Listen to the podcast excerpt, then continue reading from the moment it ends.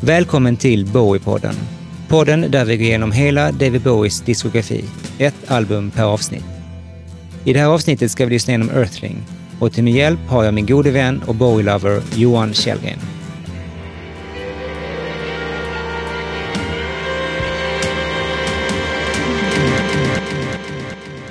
Earthling är Bowies 21 album och kom i februari 1997. Bara en månad efter Bowies 50-årsdag. Bowie var väldigt exalterad över bandet han satt samman till Outside-turnén.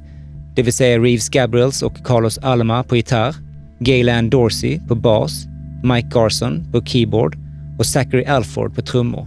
Och han ville smida medan järnet var varmt. Alla planer på att följa upp One Outside med Two Contamination och även en tredje platta med samma tema kändes alldeles för tidskrävande.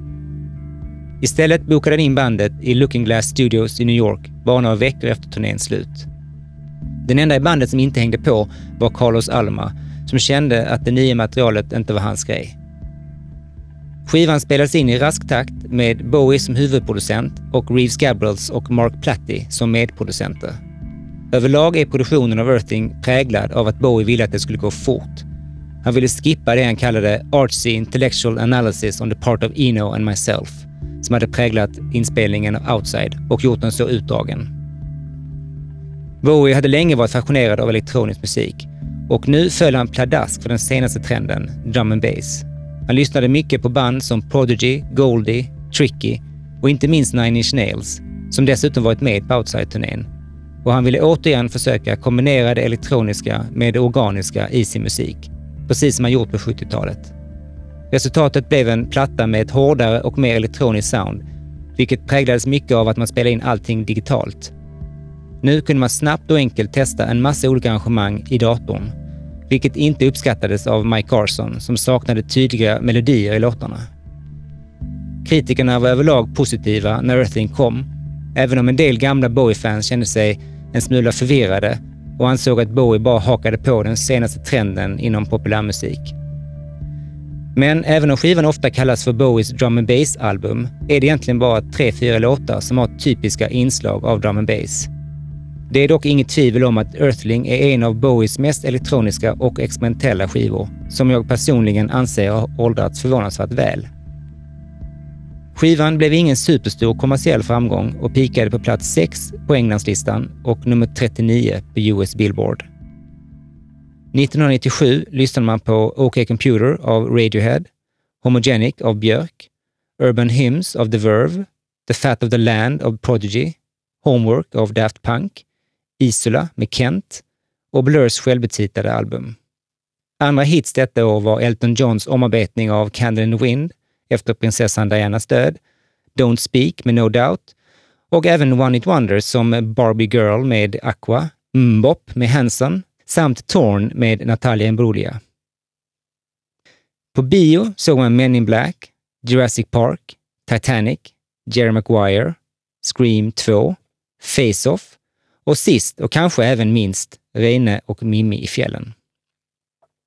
Andra världshändelser värda att nämna är att prinsessan Diana omkom i en bilolycka i Paris. Den första Harry Potter-boken publicerades. Storbritannien återlämnade Hongkong till Kina efter 156 års besittning. Tunnelbygget genom Hallandsåsen stoppades. Tony Blair blev premiärminister i England.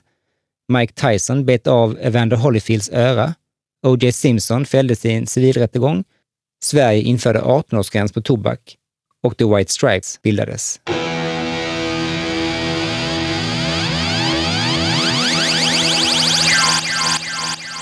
Välkommen Johan. Tack så mycket. När kom Earthling in i ditt liv? Den kom in eh, på sommaren, hösten 97.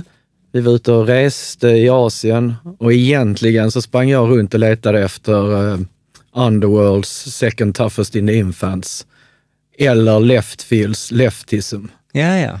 Jag, ärligt talat, hade nästan glömt bort Bowie lite uh, 97. Jag tänkte inte så mycket på honom. Hur som helst så köpte vi den på kassett och uh, jag gillade den direkt. Alltså jag tyckte den var så jävla bra. Mm. Jag tror till och med att eh, jag var hemma i Sverige vid den tiden och eh, lät den här skivan passera i princip. Jag hörde singeln såklart. Eh, Little Wonder var väl den som kom på MTV och sådär. Och jag minns att jag eh, kände väl lite att han eh, var lite pinsam.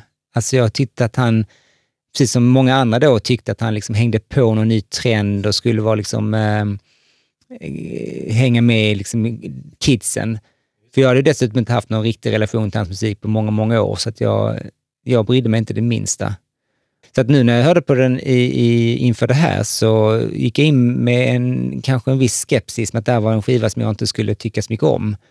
Men eh, jag har verkligen tagit till mig den här skivan fullt ut. Riktigt jävla bra. Och jag har också försökt liksom fördjupa mig lite i varför han fick så mycket kritik för det han gjorde. För att jag känner någonstans, får man inte lov att förnya sig? Är det det som är grejen? Det känns som att alla bara ville ha Bowie på det sättet som han alltid hade varit och kunde liksom inte se honom försöka sig på en ny mark. Så har jag också uppfattat det. Och kritiken som jag har läst är ofta att de tycker att det är vanliga eh, Bowie-sånger, mediokra Bowie-sånger mm. som han bara har lagt drum and bass-stuk över. Ja. Att det är liksom inte gjort från grunden utan att han har liksom bara tagit någon eh, låtidé och sen så bara gjort drum and bass av det. Alltså han var väl i en ålder då, 50 bast fyllda, liksom, där man förväntar sig att artister i den åldern ska bara egentligen förvalta sitt arv och bara fortsätta göra det de alltid gjort och släppa mm. någon skiva och inte, inte försöka så mycket. Andra artister eller andra band på den tiden, U2 till exempel, mm. flörtade också jättemycket med elektronisk musik. Både från Achtung Baby med Siropa och Pop som kom samma år. Där är de också inne och, och håller på med disco och liksom dansmusik, mm. som var ju en ny stor trend. Plötsligt var ju dansmusiken där det hände. Men ja. det var ändå Bowie som blev utpekad som liksom någon slags ehm, eh, copycat. Ja, men det blev han ju med Earthling. Varför blev han inte det på Outside i sådana fall? För ja. där var han ju på den industrial bandwagon så att säga. Ja, precis. För att han, han hade ju egentligen påbörjat den här resan eller det här eh, intresset ganska länge sedan. Det var verkligen inget nytt att han var intresserad av elektronisk musik eller att han alltid var intresserad av det som var i framkant eh, och försökte ta in det i sin musik och göra det till sin egen grej. Yeah. Och eh, jag känner att om man liksom går hela vägen tillbaka så efter Let's Dance så irrade han bort sig lite och tappade liksom fotfästet och, och började liksom någon slags ökenvandring nästan som sen fortsatte med Tonight och, och egentligen ända fram till Black Tie White Noise där han liksom försöker i alla fall mm. hitta fram till liksom, vad vill jag göra för musik och vad är det som händer på listorna, vad, vad, vem är jag i den här världen och utforska det. Och då om man tar en låt som Palace Athena som är med där, jag vet inte om du känner till jo. den, så är det liksom ett försök ändå att göra dansmusik, popmusik, att merga ihop det på något vis. Mm. Och sen på Bud of Suburbia så fortsätter han ju och kanske börjar få lite mer grepp om det. Och på Outside är han är nu riktigt hemma. Där får han till ett väldigt utmanande album med jazz, rock, elektronisk musik, trumloopar. Mm. Redan där var det fullt ut elektroniskt mm. egentligen. Och sen eh, på samma sätt som Low en gång var, med blandningen då av det här akustiska trummor, och bas och, och saxofon och gitarrer. Mm, och så känns det som att Earthling är liksom konklusionen på den här långa resan som egentligen började hela den vägen tillbaka då. Att han, att han eh, utforskade liksom den elektroniska musiken och hur han ska göra den till sin egen. Och mm. sen efter den, efter den här skivan så kommer det mer renodlade popalbum och mm. rockalbum, mm. egentligen fram till Blackstar, där han lyckas då krama ur sig ett sista banbrytande verk innan han somnar in. Hour som kommer efter uh, Earthling är ju nästan raka motsatsen. Ja. Och så jobbar han ju ofta, att han gick, gjorde tvära kast. Ja, precis. Och, alltså jag, jag måste säga att jag, jag känner att kanske bara tidpunkten var fel, för att han brukar ligga lite i framkant och här ligger han lite, lite efter. Och det gör han egentligen ganska mycket efter 70-talet. Där bryter han ju inte ny mark, han är, han är tyvärr lite, lite efter och och, och inte liksom före trenderna. Och då, då blir det lätt att man dissar, för grungen var ju död. Ja. Och britpopen också, i alla fall i USA. Mm. Och, och då pressen hade börjat hosta sådana här band då som hade kommit som Chemical Brothers och, och Goldie och um, Ronnie Size och sånt som liksom tog över listorna. Så ja, det var redan 95. Ja, precis. Det var redan 95, ja. Så det var liksom det som hände. Och mitt i alla den här geggan då så kom Bowie, 50 bast, med sitt drum and bass-album. Jag kan förstå att, att det möttes av skepsis, men ändå, när de väl lyssnade på plattan så kan jag inte förstå att de inte hörde att det faktiskt var väldigt bra låtar i grunden. Det Jaja. är liksom inte bara hafsiga trumloopar med lite sång på. Nej, verkligen inte. De använder ju mycket cut-up och sånt. Alltså det är ju hela äh, grejen liksom. Ja. Äh, där är nog bara en låt, tror jag jag läst, som de hade en riktig mm. låt i det från, från, äh, från början så att säga.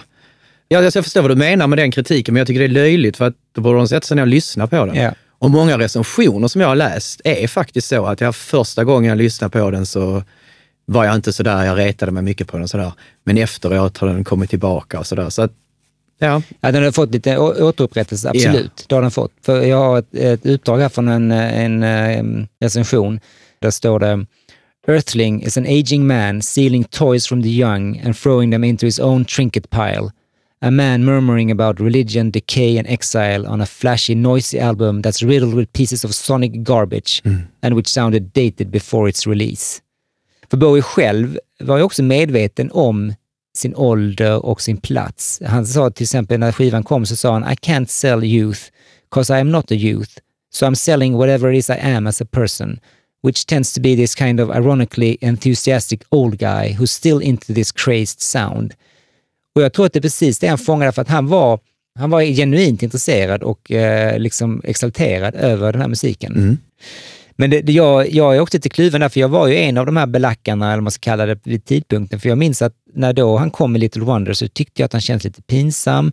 Och det var faktiskt singeln som gjorde att jag inte sen kollade upp plattan. Den, den, den gjorde att jag tappade intresset helt för att kolla in resten. Så du lyssnar egentligen bara på Little Wonder? Ja, och kanske någon singel till om- som kom, men det, det, det, jag minns liksom bara den. Och jag märkte att det var samma sak när jag lyssnade på Outside, som jag egentligen också singeln sabbade för mig, för jag tyckte inte att Hearts Filthy Lesson var speciellt kul. Det var, liksom, det var en jävligt dåligt singelval och jag borde ha grävt in mig i det mer. Mm. Och jag minns ju att Firestarter och Prodigy, det kom i mars 96. Och jag var inte ett jättestort Prodigy-fan, men jag, jag kunde ju liksom höra att Bowie var inne på samma grej vad gäller sounden, trummorna och mixningen och cut-upen och allting. Jag tyckte, och då kändes det som att han var lite eh, efter, så att säga. Han kom liksom i kölvattnet av de här. Och vad jag förstått det som um, bad han till och med Liam Howlett, som Ja, då är frontfigur. ja. Ja, precis. Det visste inte jag. Jo. Att han bad honom producera, men han tackade nej. Och det är lite coolt. Det Ja. är, Han, både Madonna och Bowie frågade Liam Howlett om Mm. han kunde producera, men han svarade vänligt vad jag har läst att alltså, det är inte min grej. Hade Chuck D från Public Enemy ringt så hade jag gjort det. Men det här är inte riktigt eh, min grej. Men ehm, det visar ju att han hade rätt mycket eh, cred, liksom, eller Ja. rätt mycket integritet. Absolut. Jag läste ett kul citat från en en blogg som, som handlade om eh, bandet vid den här tidpunkten. Um, Half of his band look like stepdads, but his bass player looks like a hired assassin. Det, är faktiskt, det, det är verkligen en brokig skara medelålders män som står där och gör massa noise och så står hon ju där lång, liksom eh, rakat huvud och bara ser badass ut och spelar ju skitgrymt och sjunger också. Så Absolut. Det är, kul, det är en kul liksom, visuell eh, kontrast. Ja, ja. Det är också ett udda album i det att det inte har några covers. Det är så... Nej, det brukar han ju vara duktig på. Ja. Ja, han brukar ha minst en ju Ja. faktiskt. Eller någon gammal låt som han gräver fram eller något liknande. Men här, här var han ju liksom... Jag upplever att när jag hör skivan att han är i någon slags kreativ eh, peak. Han är som är frene, det är en väldigt frenetisk platta känns det som. Och det är ju väldigt mycket att ehm, lyssna på. Alltså det är mycket ljud för Mm. Ja. pengarna. Väldigt, väldigt mycket. För jag brukar ibland försöka göra små notes att det här skulle jag vilja ta upp och det här skulle jag vilja att vi lyssnar lite noggrannare på. Men jag insåg att det är hela tiden är det ju fullt. Det är också lite talande att, eh, att de nämner BPM i pressmeddelandet, att alla låtarna går liksom i över 130 BPM, alltså beats per minute. Och det är liksom en sån lustig liten detalj som visar liksom var deras fokus låg. Och det är mycket på beats, eh, ljud, eh, fucka upp allting som gick att fucka upp och kanske inte så mycket på att skriva liksom vackra melodier. Och det var ju det som Garson hade lite svårt för, för han saknade liksom, ja, old, old style songwriting. Ja, ja. Ja, men då är vi liksom egentligen där då. Det är här vi är då, 97. Bowie är lost in uh, trumloopland och eh, har ju då med sig Mark Platty och uh, Reeves Gabrels som fick ju tillfälle att leka loss. Reeves Gabrels var ju lite mer hårt hållen tidigare av Eno som eh, liksom satte liksom stopp för vissa av hans experiment eh, med gitarren och att den skulle liksom spelas på keyboard och klippas upp och så. Eh, Så här fick de ju liksom full range att göra det. Och mm, det är väldigt mycket en, eh, hans, hans, hans präglar den här skivan väldigt mycket, Reeves Gabriel, så det kan man ju tycka vad man vill om. Men eh, den är ju ganska gitarrig. Ja, ja, men alla de gitarrljuden och lossgrillningar och sånt, det är han som leker. Mm. Så det här lät gött liksom. Mm. Och det är skitbra emellanåt. Alltså. Ja, jag är inte ett stort fan av honom överlag, men jag måste säga att här eh, är det väldigt få låtar där han kommer in och liksom eh, eh, sabba låten. För det har han faktiskt gjort många gånger där man känner att han är det sämsta med, med låten. Mm. Och det, jag tycker det var det så jävla konstigt att han har spelat så mycket gitarr på så många av hans skivor. Men jag kan inte nämna en enda minnesvärd gitarrgrej han har gjort. Alltså har han gjort en, ett enda riff, ett enda hook, en enda grej som man liksom, den där är typisk Reeves. Det kan väl inte jag heller så här på rak arm, men, eh, och jag har inte tänkt på det så heller. Eh, men så kanske det är. Nej, det bara känns att han har liksom inte den där uh, Rebel Rebel-riffet eller... Uh, alltså Mick Ronson har ju, har ju massa med liksom solon som man mer eller mindre kan nynna på, ja, för att de är så melodiska och fantastiska. De är ju helt olika gitarr... Ja, okej, okay, jag förstår vad du menar. Uh, jag har aldrig tänkt på det så. Men... Nej, jag kanske präglas av att jag inte är ett stort fan av honom. Jag tycker han verkar ganska skön snubbe faktiskt. Ja, absolut. Men just, just hans val att spela lite för mycket ibland stör mig. Ja, Okej, okay, det gör han faktiskt. Sen kan jag också en lustig tanke bara att om Bowie nu var så himla förtjust i sitt liveband, för det var det som gjorde att han stressade in dem i studion, varför valde han då liksom att förvränga och klippa upp allt de spelade? Så att det i princip inte låter live någonting. Det är liksom en konstig... Ja, det är jättekonstigt Att inte han var mer inne på att fånga livebandet då. Mm. Jag är glad att han gjorde det, ja, för ja, jag tycker den här skivan är mycket av det är produktionen. Oh ja, fantastiskt mm. Bra produktion. Mm. Och det bandet är fantastiskt tajt. Ja, ja, det är de ju eh. verkligen. Och jag kan förstå att han blev så taggad och ville ut och turnera med dem igen liksom, så fort, fort det bara gick. Ja.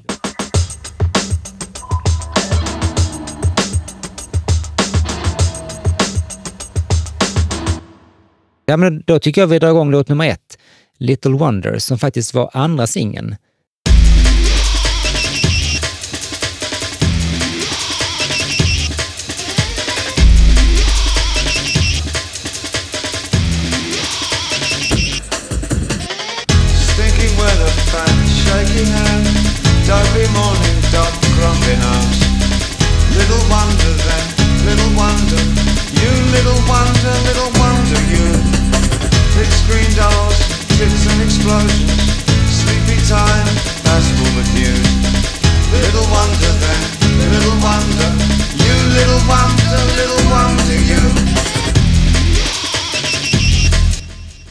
Alltså det är verkligen pang på här. Det är liksom fullt ös från första början. Jag älskar det. Ja, fantastisk Men, öppningslåt. Och man kan ju inte komma ifrån att det låter väldigt mycket Prodigy här. Mm. Eh, I trummorna och i, i soundet. Mm. Fram till sången i alla fall. Eh, och, och, inte minst på grund av det här jävla feta gitarr-noise-riffet liksom.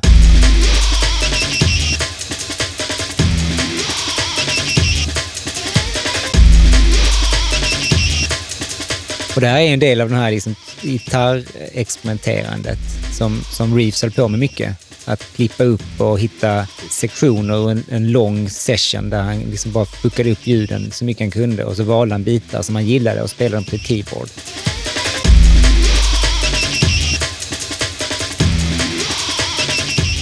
Det var tydligen så att han hade en, en, en speciellt sån lång session där han skapade olika ljud med sin gitarr och eh, de, dessa ljuden blev grunden till flera av låtarna på skivan. Till exempel Battle for Britain, Law och Seven Years in Tibet.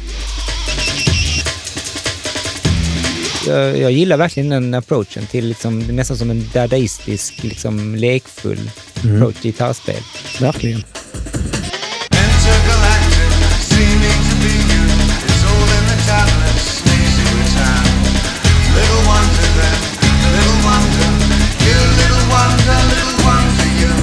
Jag tänker lite att det låter som Underworld här när sången kickar in. Han, de lyssnar ju mycket på Underworld och mm. Prodigy och, mm. och, och sånt, så det är inte konstigt alls egentligen. Jag tror det är pianot som får mig att tänka på, um, vad heter den som var med i uh, Trainspotting? Ehm, um, Born Slippy. Born Slippy, ja. Mm. De här pianoackorden som blir så. Ja, ja, det är det faktiskt. Mm.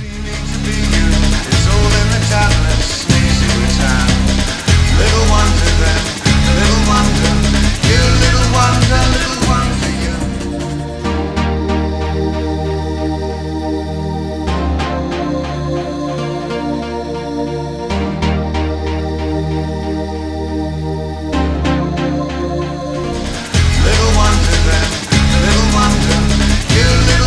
Ja, man hör ju verkligen att han är liksom on fire här. Han har fullt med idéer och han går rakt ut liksom med full fart.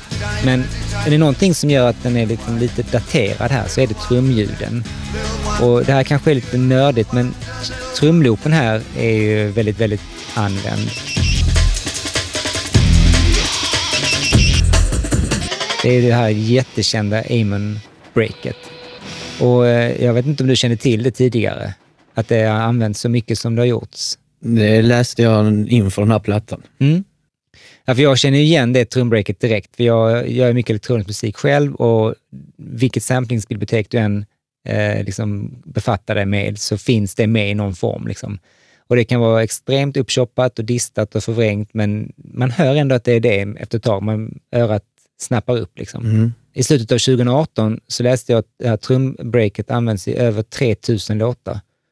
Och eh, då ursprungligen så kommer det från en single B-sida från 1969 av bandet eh, The Winstons, som från USA. Och de var väl inte särskilt kända, men den här låten heter Amon Brother, vilket har gett trumbreaket sitt eh, namn. Namn, ja. Det är alltså ett sex sekunder långt trumbreak spelat av G.C. Coleman. Men jag tänkte vi kan lyssna lite på trumbreaket så som det låter i sin ursprungliga form.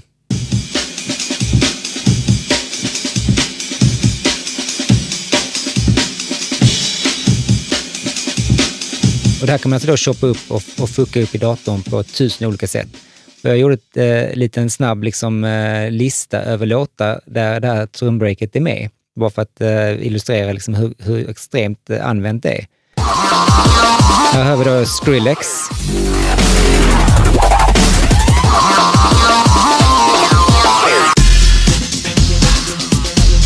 Och här är Prodigy. Just det.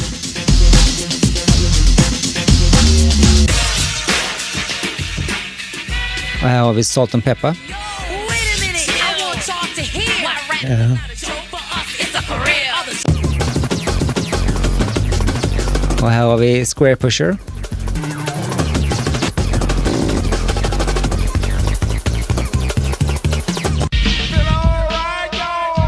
Och här har vi Two Live Crew.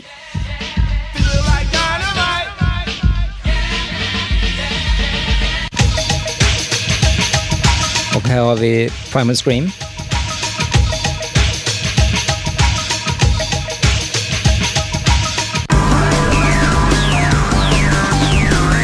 Och här har vi Orbital.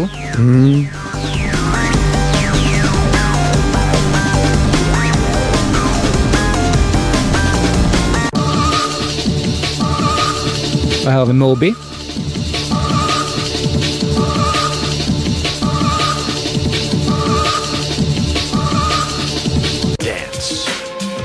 If you have nowhere to do it, Och det här är Baz Luhrmann, read the directions. Sunscreen då. Don't Den gamla hitten. Ja, just det. beauty magazines. They will only make you feel ugly. Ja, men alltså det är inte så konstigt. Det är ett gött eh, trumkomp helt enkelt. Men det, det är väldigt, eh, vad ska man säga, tydligt när man använder det och på den här tiden så var det lite överanvänt kanske. Så när jag drog igång Little Wonder så bara kände jag, ja okej, han har tagit första bästa loopen liksom. Men, men än en gång, det är inte kritik så, det var bara, det var bara en reflektion. Jag Ja. känner att eh, alla andra ljuden och eh, harmoniken och melodierna och, och låtens liksom, totala ös är, gör att det är ingen big deal. Liksom. Det, är bara en, Nej, nej. det måste nämnas i alla fall. Absolut.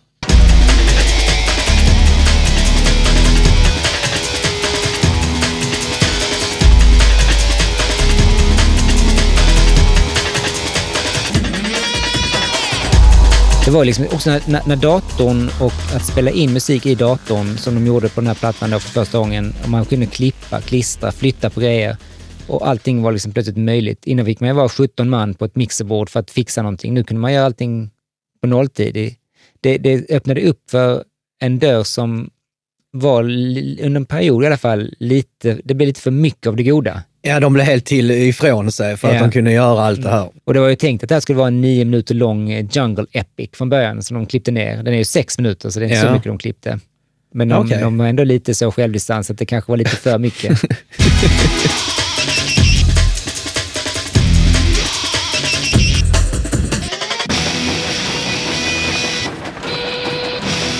Till med tågtutan här också. Ja, det är så mycket ljud.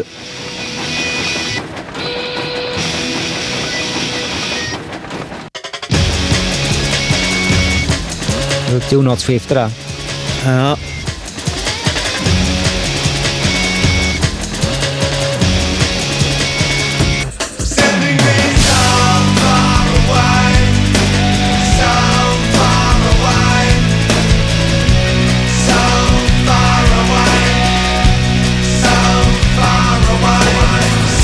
Den här refrängen är nog den enda delen som jag inte är så jätteförtjust i. Jag har tröttnat lite på den på något vis.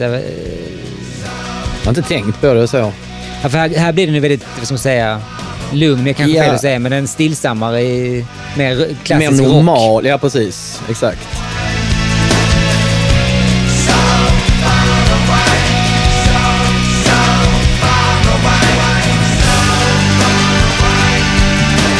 Det tog mig ett tag innan jag fattade det, men han skiftar lite på hur han fraserar refrängen. Har du tänkt på det? Att han flyttar liksom melodin. Han börjar sjunga den på ettan. Eh, och sen så plötsligt så flyttar han och lägger den på tvåan istället. Ah, Nu. Och sen så tillbaka till ettan. just det.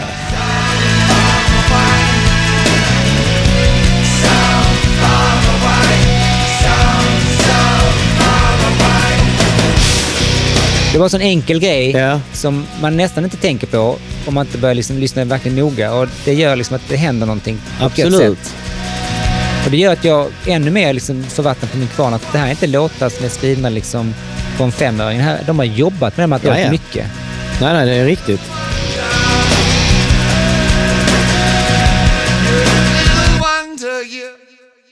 Det enda som inte känns som att han har varit så, eh, vad ska man säga, överambitiös med här är ju texten.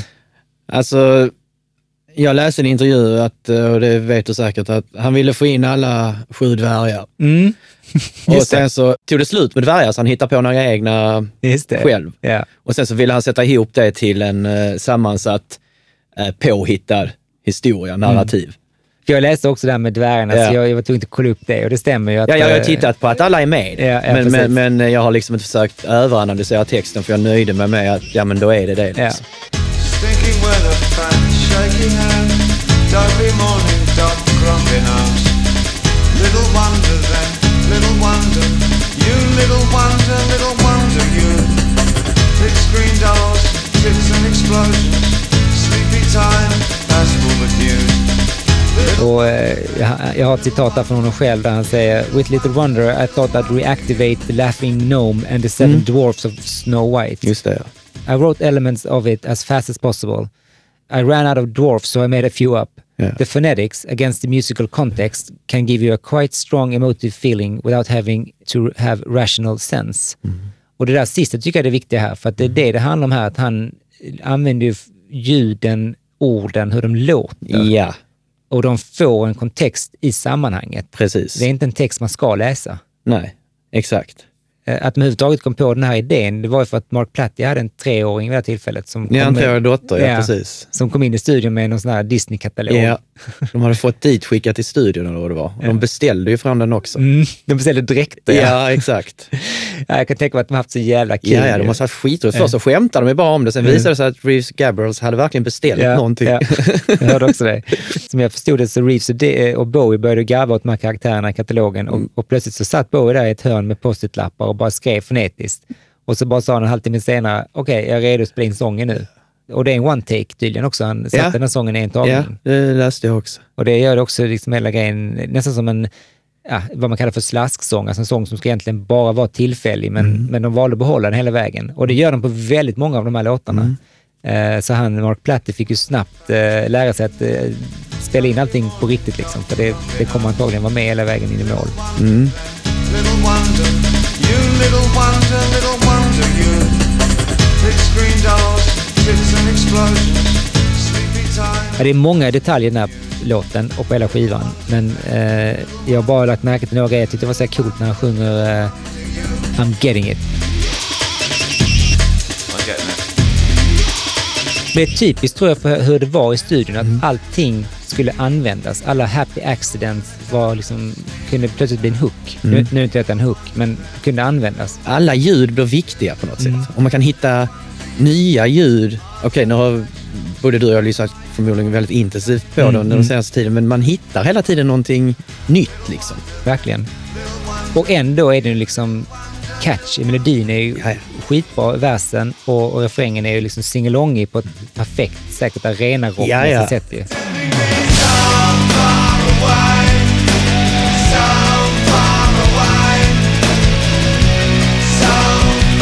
Ja, men det hur full man än är så Ja. kan man sjunga med där i alla fall.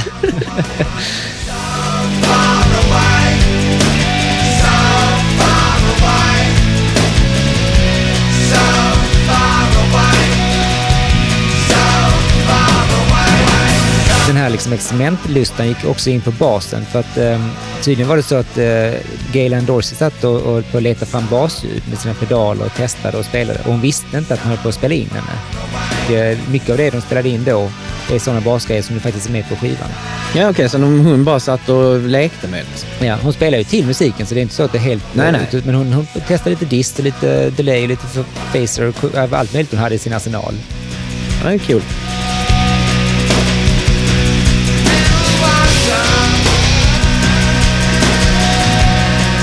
Sen kom det in någon slags, ehm, nästan som en Beatles-kör som påminner lite om Helter Skelter här i bakgrunden.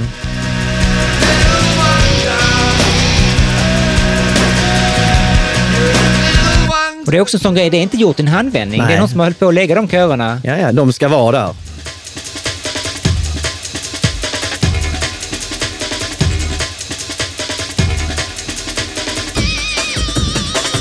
Ja, nej, det är skitgött. Jag tycker även den här synten som kom in här är riktigt cool.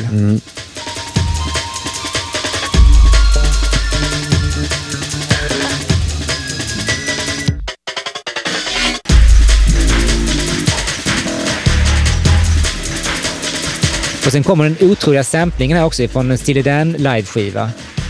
Där han säger “If it's good to ya, it's gotta be good for ya”.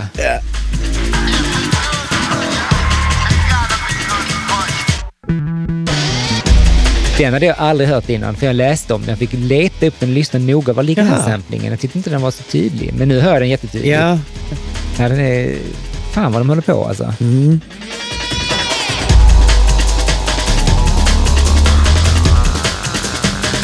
Jag tycker det är väldigt kaxigt att lägga detta som första låt, för att även om den har sin hookiga melodi i versen och en jävligt ösig refräng, så håller de ändå på en, en bra stund med det här ljudcollagen och bara köttar liksom. Jag har också tänkt på det, men jag kan å andra sidan inte komma fram till en perfekt vilken öppningslåt det i sådana fall skulle vara.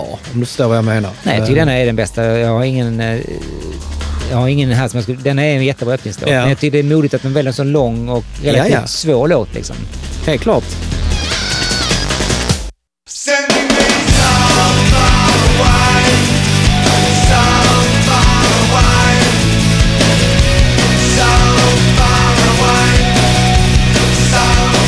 Och sen tycker jag det är jävligt gött också att eh, hon kommer in, jag tror att det måste vara Galen Dorsey som kommer in och gör någon sån här... Eh, hon suckar liksom. Eh, Det kan inte vara någon annan om det nu är en kvinna, det kanske är han.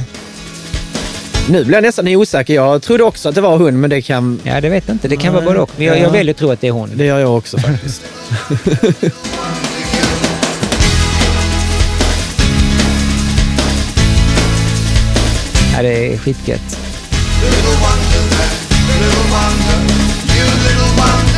wonder you.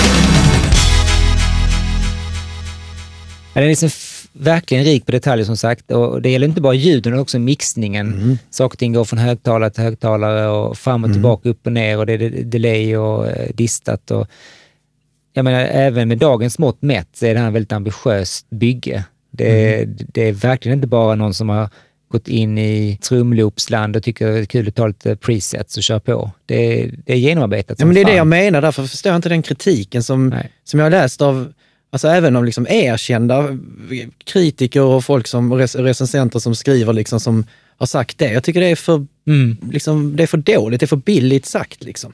Nej, jag håller med. Ehm, låten klättrade till plats nummer 14 i UK och blev topp 10 i Belgien, Sverige och Frankrike. Och plats 3 på Billboard 200 i USA. Så den eh, var ju på listorna och klättrade. Mm. Ehm, men då går vi vidare till låt nummer två som heter Looking for Satellites. nowhere. Shampoo, TV, come back. Boys on, slim tie, showdown, can't stop.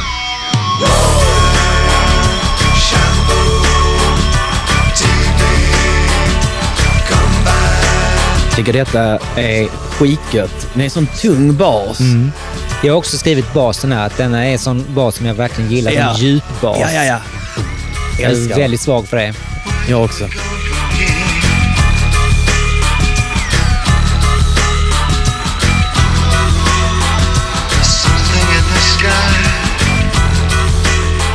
Dorseys bas här är jäkligt viktig. Och det är roligt för att det var någon som beskrev i en, eh, också i en, blogg jag läste att Dorseys bas är den enda vuxna i rummet.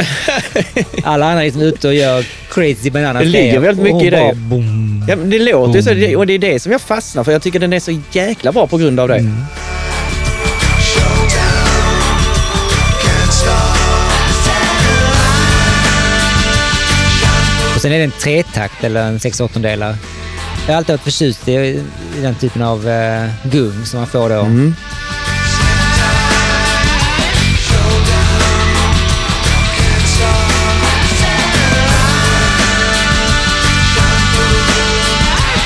Det här var en av de första låtarna som blev klar till skivan. Eh, den började som en eh, låtidé som Reeves eh, meckade fram i sitt hotellrum i Japan. De blev fördröjda där några dagar för att precis när de skulle åka till flygplatsen så fick de vända om på grund av en flygolycka. Så han hade en liten tidig eh, liksom mjukvara av ett program som hette Vision där man kunde leka med loopar och sånt. Och eh, hittade väl på liksom det som blev själva fröet i den här. För sen när man kom in i studion så kombinerar man det han hade gjort då med en annan idé som Platti hade, som var då i tre fjärdedelars takt. Det är därför den är lite i valstakt. Ja.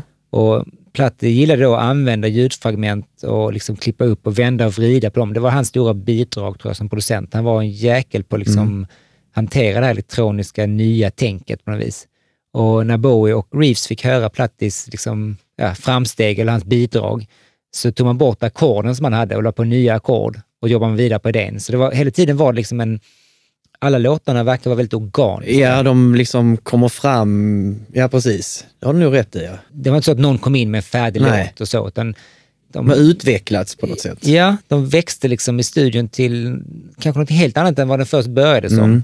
Och eh, det jag känner när man jobbar på det sättet, vilket jag älskar, så är det alltid frågan om när är man färdig? Alltså hur många gånger kan man vrida på degklumpen innan man liksom är nöjd? Ja, det är det. Jag håller med dig. Där är frågan liksom, vi- vilka versioner har vi inte fått höra eh, med Plattis grundackord som de sen bara tog bort. Han var väl fine med det, får man väl tro. Eh, jag har citat där från Bowie själv där han sa “Very stream of consciousness, written off the cuff. I use words randomly, shampoo, TV, boys own. Whatever I said first stayed in. Just a shopping list of words that I associated with consumer culture and that was to prop up the idea of a spiritual search between an orthodox religion and a technological age. Och det är lite kul här i början för att han har ju den här långa liksom listan då på eh, ja, termer eller fenomen. Och eh, jag trodde absolut att han sjöng Boyzone. Det trodde jag också. Men du vet att han sjunger Boys Own. Ja, men det var bara när jag började lyssna på den nu igen som jag upptäckte det.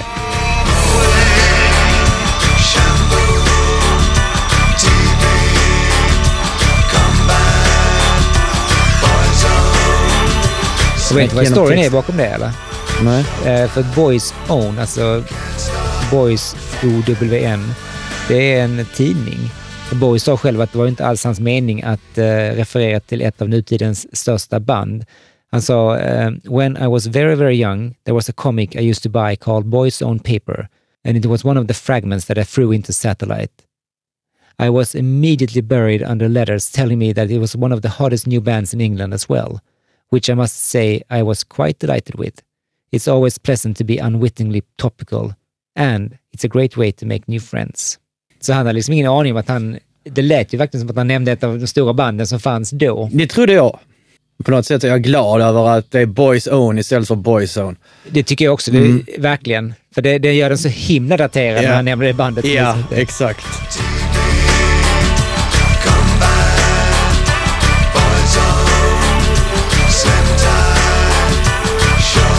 Jag hade egentligen noterat detta på en annan låt, men eh, nu när jag hör den så får jag lite känslan av att det har samma...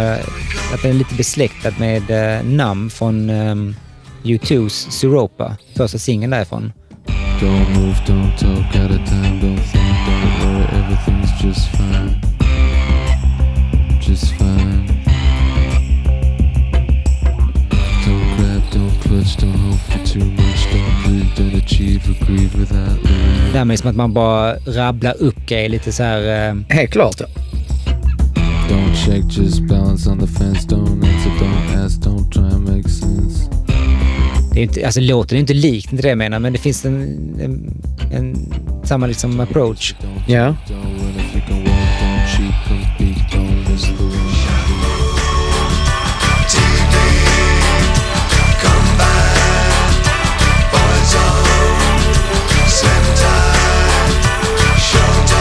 En viktig sak som man också måste komma ihåg med den här skivan jämfört med mycket annat, Prodigy och liknande, det är att här är det mycket live-trummor. Just det. Zachary Alford spelar ju mycket ovanpå trumlooparna. Ja. Och här på den här låten är det väldigt mycket han som spelar. Och, eller rättare sagt, det är han som spelar och sen har man gjort loopar av det. Ja. Och det gör att det är, det är ju liksom ändå eh, en, en bandkänsla, mycket mer än på Little Wonder. Ja. Att att, eh, det känns som en, en kille som spelar de här trummorna. Det håller det, jag det, med får om. man aldrig känslan av på Little Wonder. Där, där, där är liksom ingen illusion av att det ska vara en person som spelar de trummorna. Det, Nej, det finns det, inte. Nej, men det är just det, det är ingen illusion. Det är inte meningen att... Nej. eh, nej. Här känns det som att detta är liksom en trummis som lirar. Ja, ja.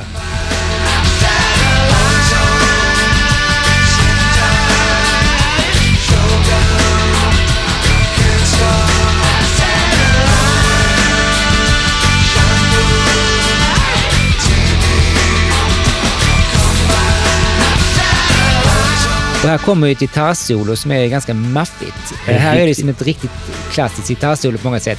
Ja, ja. Verkligen.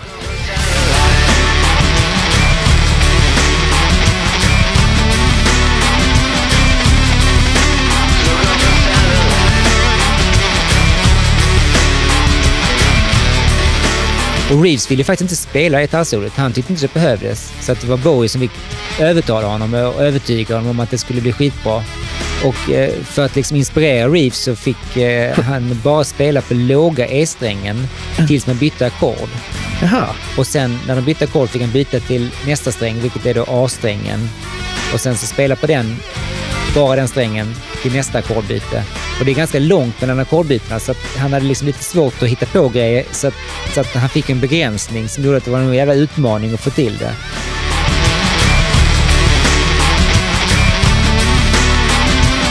Man hör att han är på de låga strängarna här liksom.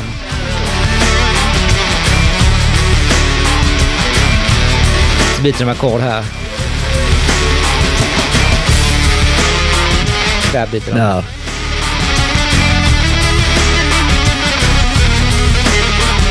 Jag ska vara helt ärlig, jag tycker det låter som ett helt vanligt gitarrsolo, men det är kul grej att ha i huvudet. Att Ja, han, liksom, absolut. han kämpade lite med att Åh, jag får inte byta sträng från ett nytt, nytt ackord. Fan alltså.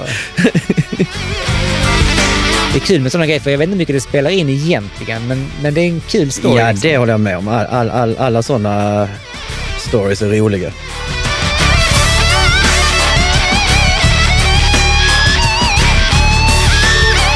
Det är rätt långt solo, men jag tycker det är lite gött. Och det, vanligtvis har jag lite svårt för den här typen av Det borde, snabba jag, solon. det borde jag också ha, men jag har liksom aldrig stört mig på det. Jag tycker det ligger, och det är långt som du säger.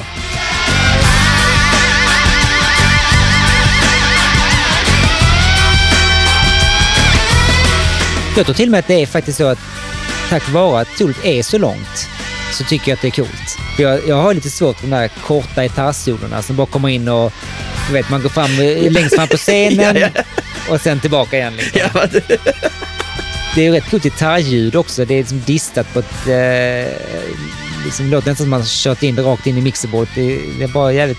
Eh, mycket attityd. ja.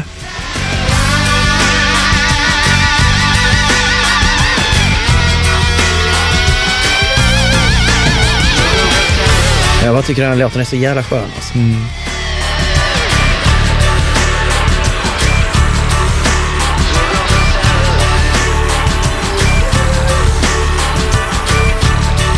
Jag tror att om man är van vid liksom mer eh, traditionella låtar så kan man väl uppleva att detta är lite, eh, ja, de trampar lite vatten. Kan, kan, om man spelar jävligt fabrikat så kan jag förstå det. Mhm. Att Den är liksom lite one trick pony. Den kommer in och gör vad den ska, men den, gör det, ja, den är ändå 5.20 liksom. Mm. Ja, det är långa låtar överlag. Ja. Så jag kan förstå att inte detta är för alla. Men för mig, jag, tycker det, jag älskar sånt här när, den, när, liksom, när man tar en idé och, och kör den in i kaklet. Liksom. Ja, ja. Det är klart.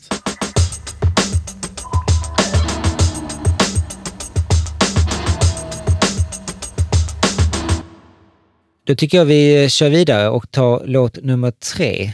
Eh, Battle for Britain, parentes The Letter.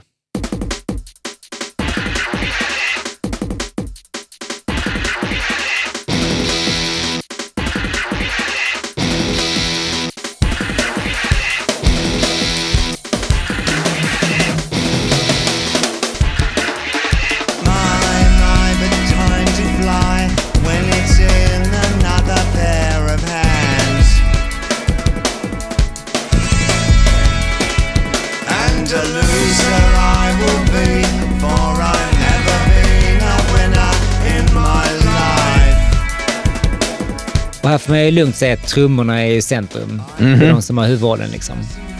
Och tydligen var det så att Alfred, då, trummisen, satt en hel dag och spelade in en massa olika loopar i 120 bpm. Och sen så speedade man upp dem till låtens tempo som är 160. Eh, Och lät dem spela över de looparna. För det, det är jäkligt svårt att spela tight när det är så högt tempo. Så att han hade liksom ingen chans att göra det. Det är nästan övermänskligt. Så varje takt är liksom klippt också så att, så att det ska bli exakt mot looparna. Så det är ju, det är ju spelat men ändå inte. Just det. Och det var ju någonting som var helt nytt. Att kunna göra så med trummor var ju helt omöjligt på den analoga tiden. Ja, ja.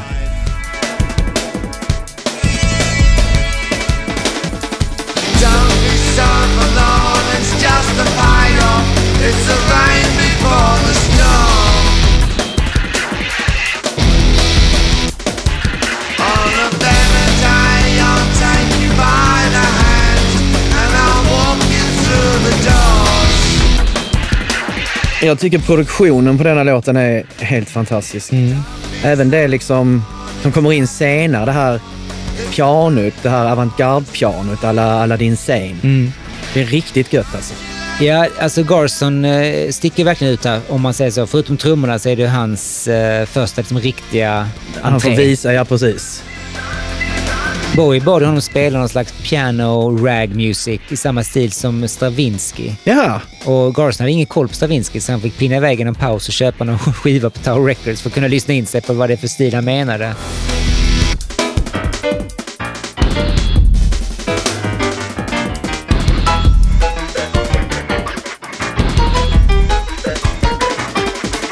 Alltså det är typiskt Garson. Man hör att det är han direkt. ja det, det gör man ju, men jag kan förstå också Stravinsky-vinkeln. Absolut.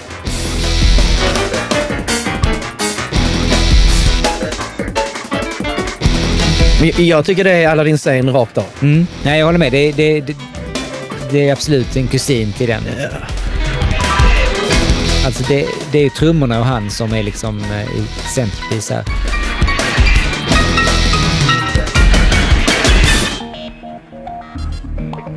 Och det här tycker jag är skitgött, det här partiet med den här vocal stutter-grejen. Det är en rätt liten del, men de skulle kunna jobbat mer med det nästan. Det hade nästan varit bättre att det var mer, ja.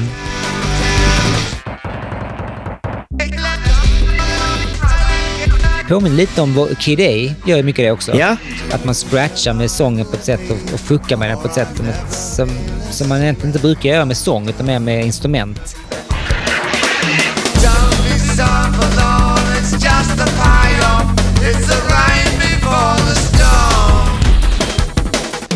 Men en annan sak jag har lagt märke till. Hans, hans accent, hans dialekt på Ja. denna låten. Ja, ja absolut. Nej, jag har också tänkt på det. Det är lite den här cockney, eh, punkiga. Ja, verkligen. Alltså, han sjunger inte så. Jag skulle egentligen göra en lång lista ibland jag känt av alla hans olika eh, sångstilar. Dels hans dialekter och hans, eh, hur han uttalar ord. Han, är- han, kan, han kan hitta på vad fan som Ja, helst. ja. Och här är det väldigt utpräglat. Ja, det sticker ut. My,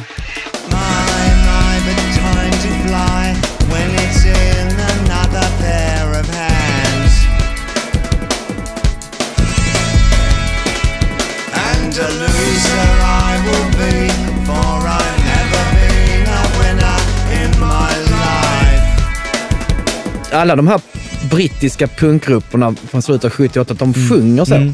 Ja, och även eh, senare så kom ju Oasis in och sjöng liksom... Ja, så här- definitivt. Han ändrar ju... Alltså det, det är nästan pinsamt Mm, ibland han hur tar han det till sin Ja, spets, liksom. ja, exakt.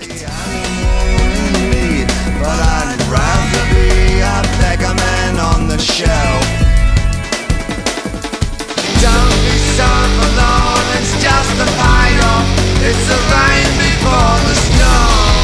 Jag tänker lite på låttiteln. Har du funderat någonting på det?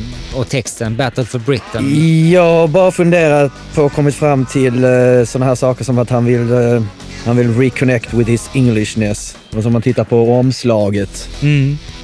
Det är någonting med England, liksom Britain, som han vill på något sätt återkomma till.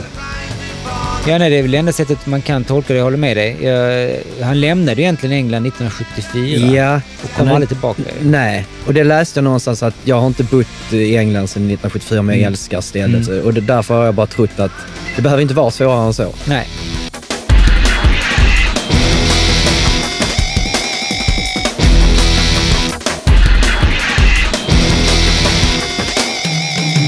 My, my, but time to fly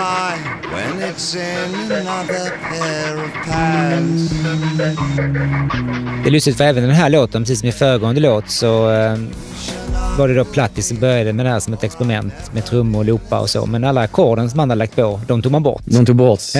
och då slår man på nya. jag tror bara Bowie får för sig saker för jag tror att Mark, Mark Platti har ju en stor stämpel på hela denna plattan. Liksom. Nej, för jag, jag, jag har egentligen aldrig talat om Mark Platti innan jag kollade upp vem som var inblandad i den här skivan. Och eh, som jag förstår det så är han från New York eh, och eh, spelat in och gjort grejer till en hel del artister. Eh, bland annat då The Cure, Hooverphonic, Robbie Williams, Lou Reed, Fleetwood Mac, Delight, alla möjliga band. Så att han, är liksom, eh, han har gjort en hel del grejer och i det här, just på den här plattan så tror jag hans stora bidrag var just att han var tekniskt väldigt liksom, skilled Exakt. och, och snabb. För att även om Reeves och Bowie hade nog jävligt mycket idéer så var de nog inte så flinka vid datorn. Kan jag Nej. tänka mig. Så att han gjorde grejerna gick snabbt. Ja, det tror jag också.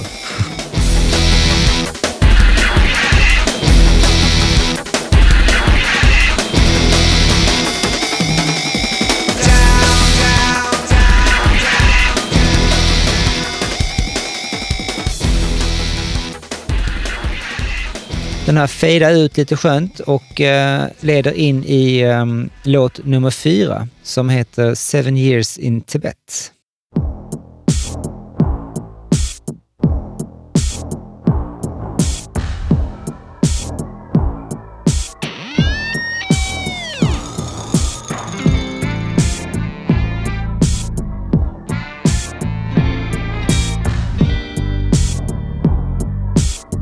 Alltså jag måste säga att jag gillar den här direkt när den kom igång. Ja. Och sen när blåset kom in så var jag lite sådär, okej. Det var så jävla otippat att det kom in någonting som var så um, ja, op- oprocessat. Ja.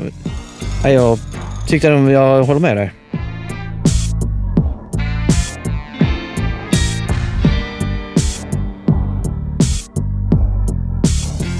Och även gitarren här är ju liksom nästan helt utan effekt. Det Ja. känns som att det bara är en helt vanlig enkel elgitarr. Ja. Jag läste flera som, som eh, tyckte att den påminde om Albatross med Fleetwood Mac. Ja, Jag vet inte om jag köper det, men jag Nej, kan förstå det- vad du menar. Men den är väldigt straight. ju. ja.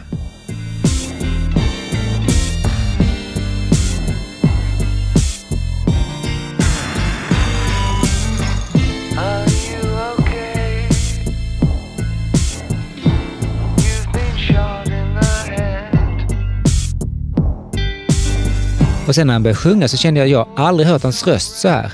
Jag trodde först att det var någon annan i bandet som sjöng faktiskt. Eh, I typ en sekund bara. Vet alltså. man? Ja, men det är Bowie väl? Ja, ja. ja.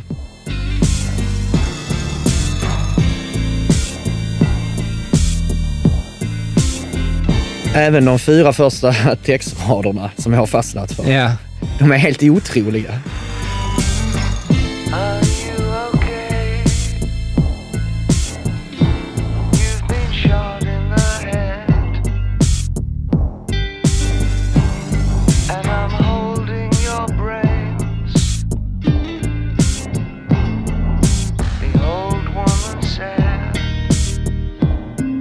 Har du liksom läst på om vad det handlar om? Nej, jag bara tyckte att de var väldigt så här hårda och så här rakt på det. Jag trodde att det kanske hade med boken att göra som jag läst för länge sedan, men jag kan inte minnas. Ja, du har läst den alltså? Ja, Ja, det är memoarer från Heinrich Harrer. ja exakt. Jag visste ingenting om honom förrän jag läste på inför det här. Det var jättelänge sedan jag läste den, men eh, den är ju riktigt bra. Jag har däremot inte sett filmen. Nej, det med har inte jag heller gjort. Nej. Som jag förstår det så var han en österrikare som suttit som krigsfånge. Ja, Eh, och sen flydde han då, han satt i Indien Ja. och så flydde han till Tibet. ja. Och sen så ska han klättra upp eh, på berg där. Och eh, andra världskriget börjar eh, när han är på väg upp. Ja. Men han träffade tydligen en ung Dalai Lama. Ja, ja precis. Ja, så han har ju varit med, han har levt ett ganska eh, vad ska man säga, händelserikt liv, minst sagt. Ju. Ja, Och att Bowie blev intresserad av buddhism redan som väldigt, väldigt ung. Ju. ja. Genom sin bror Ja. Terry. Men att han var så inne i det, Mm. det visste inte jag. För att jag läste att han ville ju se ut som en tibetan. Han, ville, han Mm. tyckte allt var så riktigt coolt med tibetansk Mm. buddhism. Alltså, alltså buddhismen och olika begrepp inom buddhismen har ju förekommit i hans låtar innan, Mm. i Quicksand inte minst. Men jag trodde nog att det var bara eh, som att han var ju väldigt beläst, att Mm. han hade doppat näsan i de flesta eh, grytor. Liksom. Ja.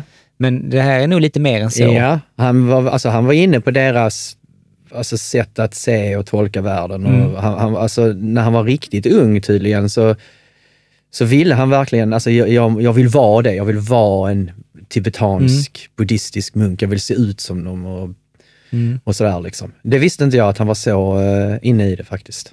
Buddhismen var nog en stor del av att han hade den, den jovialiska liksom, Det tror jag också. eh, inställningen till det mesta. När folk säger så, jag är buddhist, det kan bli så pretentiöst Mm. för att det ska vara det rätta. Men det är ju faktiskt så. Och om du verkligen bekänner dig till det, Mm.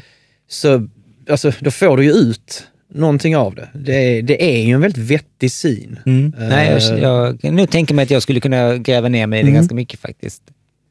Speciellt nu när Bowie buddhist vill jag också vara det. Ja, det gör ju inte saken sämre. Och Tibet var ju verkligen i ropet det här året, Ja, av en ja. märklig anledning. Ja, För det var ju inte bara den här filmen då som Brad Pitt spelade huvudrollen, utan eh, även Scorsese gjorde Kundun. Ja Kundun. just kunden, ja precis. Och uh, Beastie Boys höll på att yra om Free Tibet och Mm. gjorde massa... De höll ju den här första Tibetan Freedom Concert två månader innan man spelade in den här låten. Så Okej. det kanske också var att, att han valde att liksom ta upp den just då och där. Ja, än en gång, Mm. är han liksom är han cynisk och bara liksom kapitaliserar på det som var i ropet. Nu var det ju så att han hade ett genuint Ja, intresse, exakt. men varför väljer han att just nu lyfta upp den här låten och döpa den till detta och göra en stor grej av det? Det kan, Nej, man, visst. det kan man kanske ifrågasätta.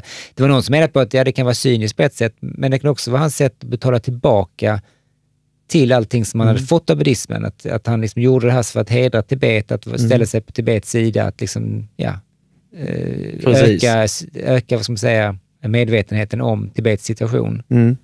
Det är inte konstigt heller om någonting är i ropet att man eh, hakar på. Eh, även om man är Bowie liksom. Eh, Men jag tror att man kan hitta liksom bakgrunden till öppningsraderna i, eh, i det här. För jag läste att det skulle handla om att det var en buddhistisk munk som skjutits ner av kineser. Okej. Att det är liksom den typen av snapshot, någonting som man sett på ett nyhetsinslag eller något liknande. Så det var den idén jag tänkte, ja men då är det det det är. Jo men alltså det är nog inte helt fel för jag läste någon annanstans att han hade nå någonting i texten också som säger att han följer pigs.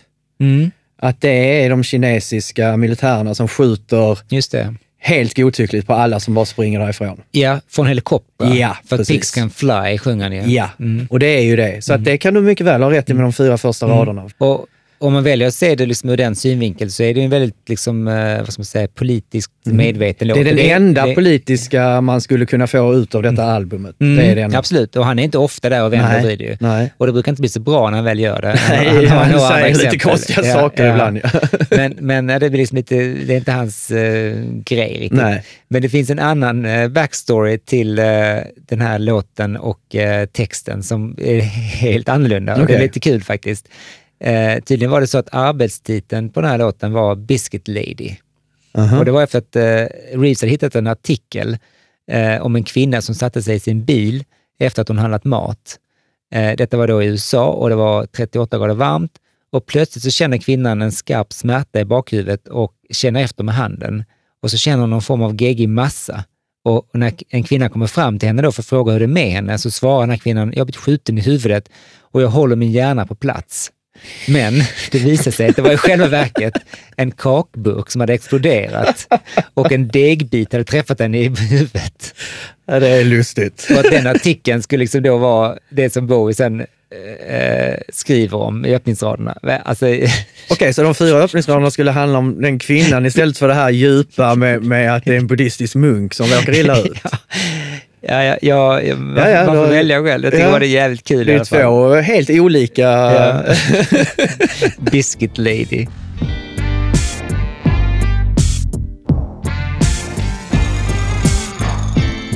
Tydligen var det så att själva låt, eh, låtidén från allra första början var en idé som Reeves hade, som hette Brussels. Och tydligen var det så att Bowie gillade inte den alls. Han sa till Reeves vid upprepade tillfällen att scrap it. Det där är ingenting som jag tycker är värt att jobba vidare på. Och det säger en hel del på den här skivan eftersom allting verkar vara värt att jobba vidare på. Man eh, bangar inte för någonting. Men Reeves var helt envis och fortsatte jobba vidare på den och tillsammans med eh, Garson, Dorsey och Alford, alltså resten av bandet i princip, så fick de ihop den här låten då som passerade Bowies nålsöga. Och eh, Bowie sa själv efteråt att det här är en av hans absoluta Ja. favoriter på plattan. Ja, det har... Och det ska jag faktiskt säga att det är det för mig också. jag Mm. det tycker är- att den är så jävla fet. Jag tror också jag landar där i. Jag tycker det är många som är jättebra, men det är piken på något Mm. sätt. Och inte minst på grund av refrängen. Ja, ja, det håller jag med om.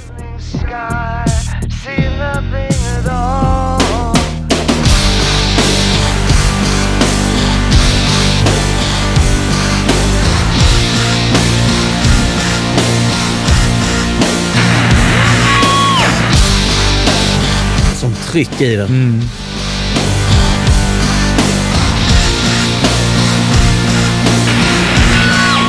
Och att den fortsätter innan han börjar Alltså sjunga. för, ja, den första refrängen har ingen sång. Nej, De bara maler. exakt. Och sen går de tillbaka till versen. Och det är också jävla kaxigt. Ja, ja, riktigt kaxigt. Det hör man sällan. Time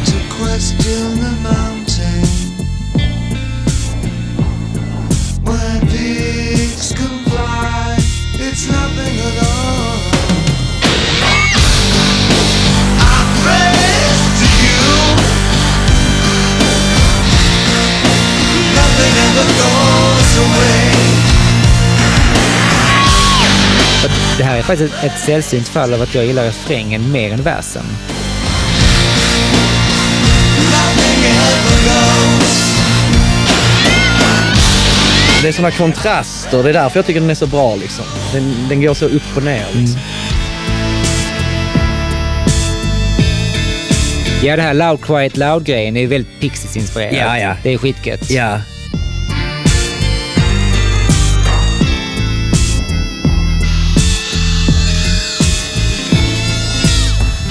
Jag tänkte lite på Blurs skiva eh, 13, Mm, det- som också har några sådana partier som Ja. är sådär, alltså är detta, vad händer? Är det någonting som, eh, har de missat det? Eller ska det vara så här? Ja. Den här känslan av att det låter fel men ändå så underbart. Det håller jag helt med om. Jag vill inte överanalysera för mycket, men eh, Det är det vi är här för. Reeves Gabriel sa ju det själv, att Bowie satt bara och lyssnade på Prodigy, Stones och Beatles, Oasis och Blur. ja, okej.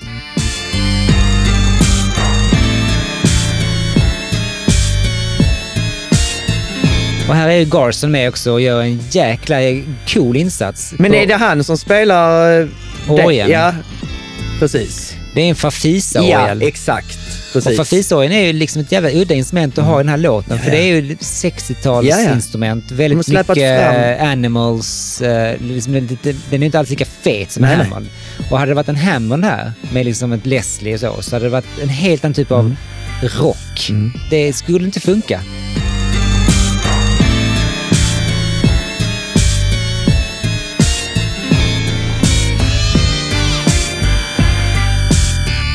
Det är någonting med liksom sista versraden. Så jag vet inte om du har tänkt på det, men det låter som att det skulle kunna vara skrivet av Lennon. Ja, absolut. Mm.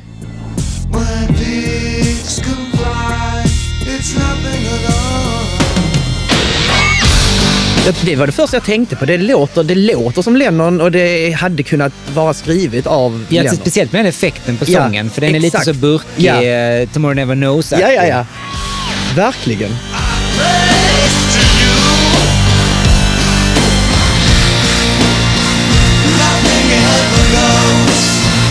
Alltså de här raderna, Praise to you, de var ju inte heller någonting som han hade suttit och fnurat på särskilt länge. Det var det första han kom på när han sjöng refrängen. Och sen lät de bara vara, alltså de lät det vara kvar för att det lät gött och han gjorde det med sån feeling så att det fick vara med. Och jag, jag fattar inte vad han menar riktigt. Men, Nej, nej. men det låter han sjunger det så otroligt gött och det är så enkelt. Han, går liksom inte, han gör inga um, utsvävningar eller någonting. Han bara sjunger samma om och om igen. Och det, det är det som gör låten för mig. Nej, jag håller med. Det är väldigt... eh, Men det sa vi innan, alltså det är väldigt mycket så att han sjunger det som kommer först ur skallen på honom, verkar det som.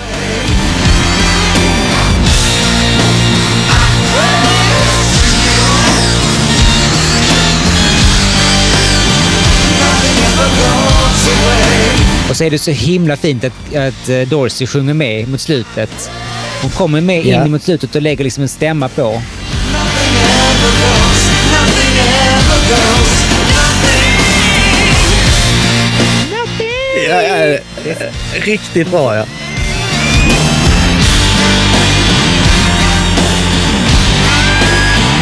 Och här tycker jag liksom nästan går in i någon slags Doors-land. Ja, ja, det är väldigt likt ja.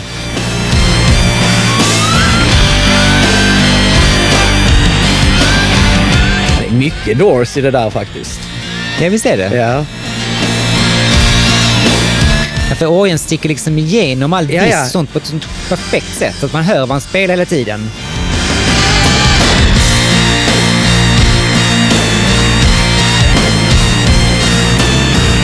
Garson själv var extremt nöjd med det här pålägget. Han anser att det är det bästa han har gjort sedan Aladdin Sane. Jaha, Sa okej. han själv om det. Ja, jag är benägen att hålla med honom.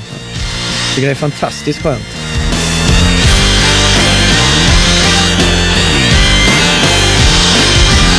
Sån jävla duktig trummis också. Han spelar ju så Ja, ja. gött här alltså. Ja, ja.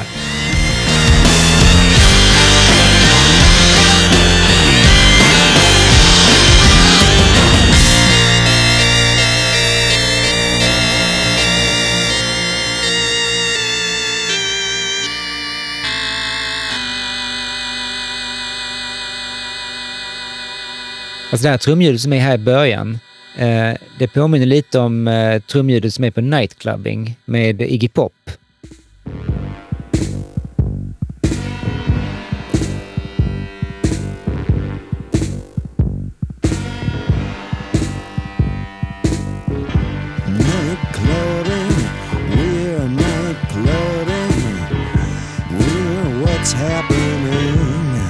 Jag visste inte faktiskt att det här trumljudet från Nightclubbing är det som Trent Reznor samplade till sin låt Closer med Nine Inch Nails.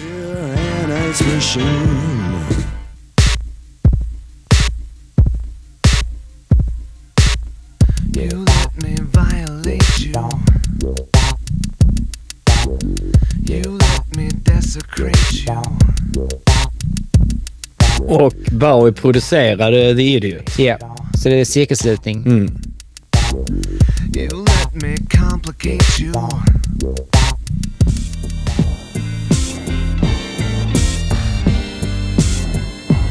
Ja, de hänger liksom ihop, Ja. de här tre låtarna. Oh ja. Det kan man inte komma ifrån. Nej, nej, nej. Okay? När du sa det så fattade jag det direkt. Mm. Men jag har inte själv dragit den slutsatsen. Nej, jag har fått läsa mig till det här. Okej. Och även eh, Galen Dorsey spelar ju fantastiskt på denna. Så jävla gött. Ja. Den här basen som kommer in här är så jävla fin. Det är så gött. Ja, det är så otroligt. Det är bara liksom en liten grej Ja, och det kommer en gång.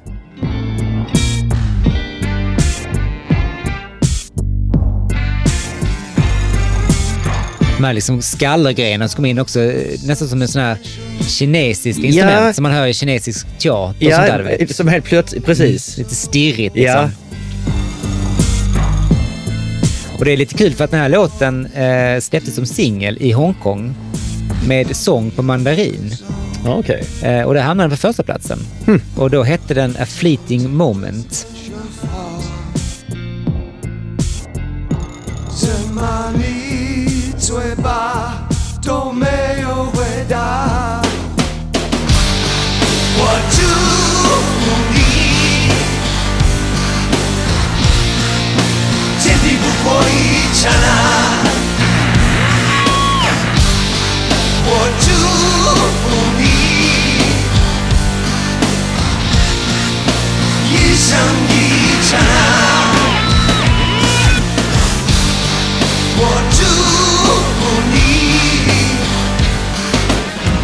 Ja, han är ju van vid att sjunga på andra språk emellanåt. Ja, verkligen. Spanska, tyska, tyska franska, franska, allt möjligt ja. alltså. Och även uh, indonesiska på eh, Black by White Noise. Det, ja. det är, ja, det är ju ja, det är vad det är.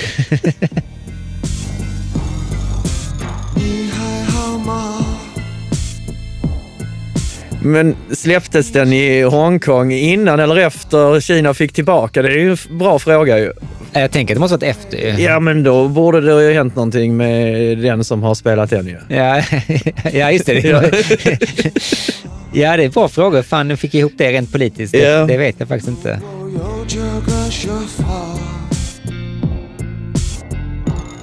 Men det är lustigt hur en låt som på den här skivan som är, som vi pratat om, väldigt eh, rik på eh, mycket detaljer, mycket action, så är det egentligen den här låten som vi gillar bäst, som är den enklaste. Två delar, fram och Ja. tillbaka, eh, en orgel. Eh, Ja, den är väl ganska konventionell på det sättet, men Ja, jämfört med mycket av det andra Ja. så är den ju ganska um, sparsmakad i, i sin, äh, sitt arrangemang. ja, man har inte tryckt in en massa ljud och sånt på samma sätt som... Nej. Ja, den, den, den här, den här liksom, tog mig liksom mer i magen, medan de andra låtarna kanske tagit mig lite mer på ett intellektuellt plan. Liksom, ja, Okej, det här är gött. Mm. Oh, nu händer det. eh, feta trumljud, eh, konstiga loopar, coola effekter. Och sen ibland så har jag också fått feeling såklart. Men den här låten är all feeling. Ja, den satte sig, ja, precis. Här är inte jag liksom, visst trumljud det låter ju skitgött och så, men det är liksom inte det jag går igång på, utan det är ja, versen i viss mån, Mm. men framförallt refrängen som man ju matar väldigt länge för att man vet att den är fet. Ja, det måste ju vara det. Men jag håller med. Jag har också kommit fram till att detta är, om jag måste, så är det denna som är höjdpunkten på något sätt.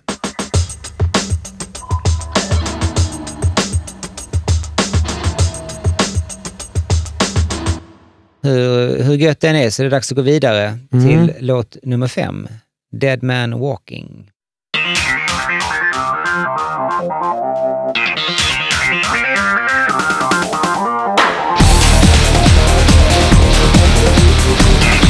Jag blev ju lite orolig när jag drog igång den här för att jag kände att de här arpeggiosyntarna var inte riktigt min kopp te.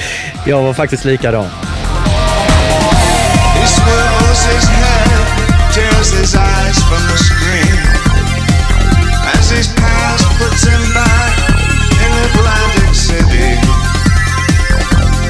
Men jag ska säga att jag, måste, jag tycker verkligen om den här låten. Ja, jag det kan jag börja med att säga direkt. In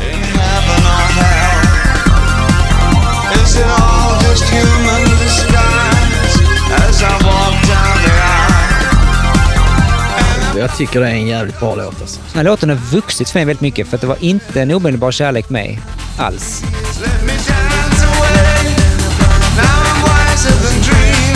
Den här är den som tangerar var min näst, eh, näst bästa låt på skivan. Alltså jag tycker verkligen om den. Ja, okej. Det är, Ja, den är ju väldigt diggig liksom på något sätt.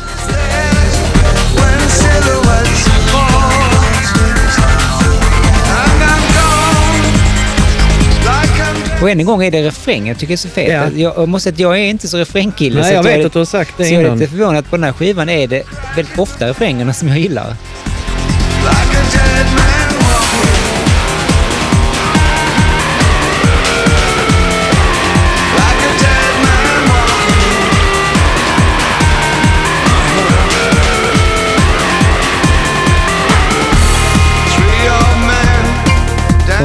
Att, eh, det här riffet som är då liksom själva grundstommen till uh, refrängen. Mm. Det känner du kanske till att det är en present från Jimmy Page. Ja, ja. Tydligen var det så att eh, han hade, ja, jag kan, vi kan höra på när, um, när Bowie själv berättar om hur det gick till. 32 years ago, um, I was in the studio uh, with uh, one of the th- several thousand bands that I, ha- I had when I was in my teens, and we were doing um, a, a record, I think with Shell Talmy producing. Shell had found a new session kid. He was just out of art school, and uh, uh, he was the hot kid on the block. He was like 16 years old. His name was Jimmy Page. So we were. Um, I was doing this atrocious version of, uh, I think it was Bobby Bland's I Pity the Fool. And uh, uh, d- during uh, breaks, Jimmy said, I've got this riff. I'm not using it. I don't quite know what to do with it. You might like it. So he gave it to me. So This is this was Jimmy's riff, which was. I thought that was so cool. I mean, it was just two strings. I thought that's really nice. I didn't know what to do with it. Uh, I played around with it for a few weeks, and I came up with a song on uh, one of my first albums. The album is called "The Man Who Sold the World," and the song, and the song was called "The Superman," and it was like so. It was. When all the world was very young, mountain magic heavy hung, the supermen would walk in file, guardians of a loveless isle, and gloomy browed with super fear, their tragic endless lives could heave nor sigh, solemn perverse serenity, wondrous beings chained to life. Nice though, isn't it? Strange games they would play then. No death for the perfect man, so on and so forth. And then last year, whilst we were in the studio, I said, Here, Reeves, I, I got this riff that Jimmy Page once gave to me.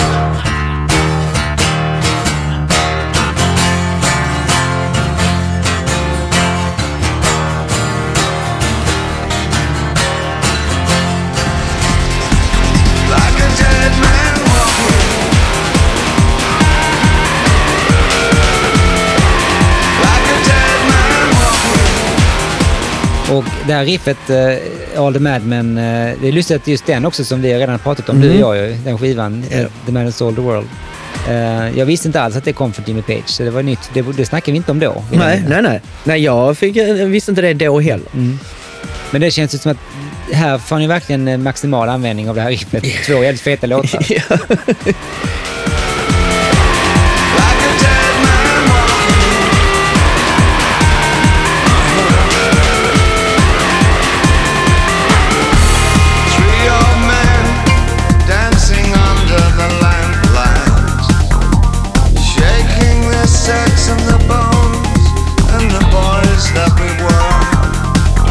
Annars är det själva låtidén, eller texten som jag förstår det, kommit till honom när han var på en av Neil Youngs konserter. Mm. Han har ju de här um, Bridge School Benefit Bridge, ja precis.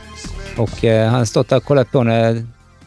Tyckte att Neil Young ser så cool ut, en gammal man med Mm. Crazy Horse som är ännu äldre liksom. Och de stod Ja. där och grillade loss liksom.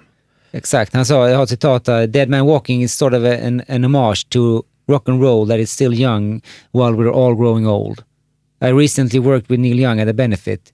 He played acoustically with two members of Crazy Horse and they would slow dance in a tight tribal circle. It was moving, so poignant.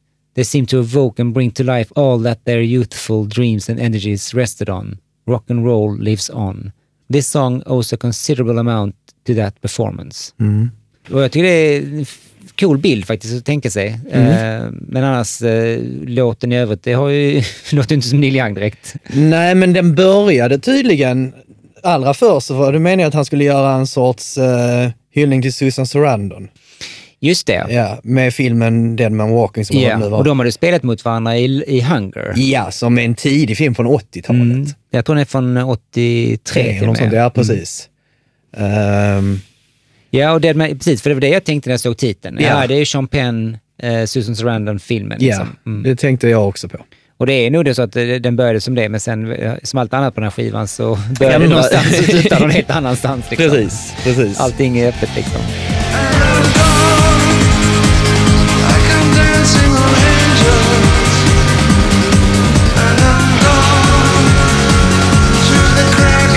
Är så jävla coola röstsamplingar också som de har slängt in här från Gaylan Dorsey. Och de är inte ens sjungna på den här låten nödvändigtvis. De tog liksom samplingar från andra låtar och stämde tonarten så bara in med Fick dem. det vara liksom. med. Ja. Det är små, små detaljer som Ja, bara ja. ligger där liksom.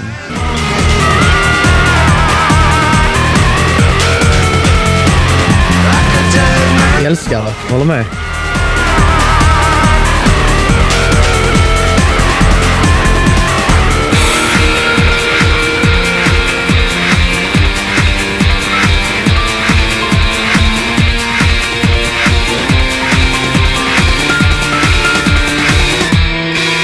Man upptäckte vid mixningen, alltså ganska sent i processen, att de saknade en vers 2. Så att det som var vers 2 var bara vers 1 en gång till. Man hade bara copy-pastat in den för att ha någonting där som en placeholder. Ah. Och då när Bowie hörde det så var okej, okej, vi stoppar bandet liksom. Jag ger mig en halvtimme. Så gick jag ut och skrev en vers och så sjöng de in den. Ja, ja, ja, det är Så- återigen typiskt för detta albumet. Liksom. Ja.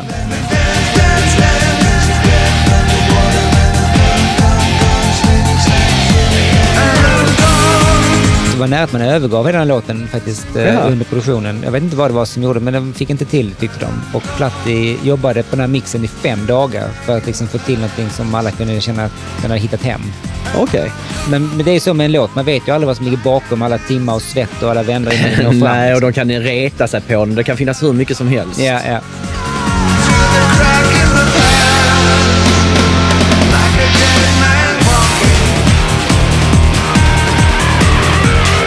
Men Platti, han är en eh, riktig dark horse på den här skivan. Han gör sånt jävla hästjobb. Han eh, berättar till exempel att den här låten börjar 100% programmerad.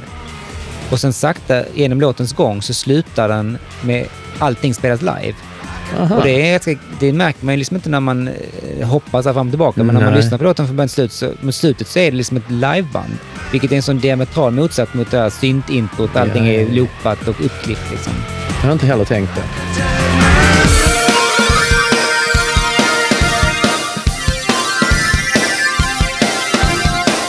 Här är det riktiga trummor. Från och med nu så Ja. är liksom ingenting programmerat längre.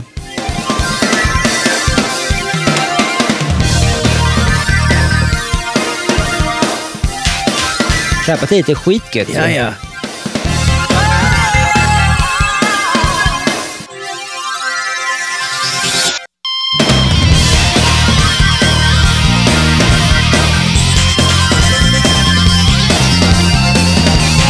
Okej, Reeves kanske kunde skippat det här, men jag, jag, det är okej.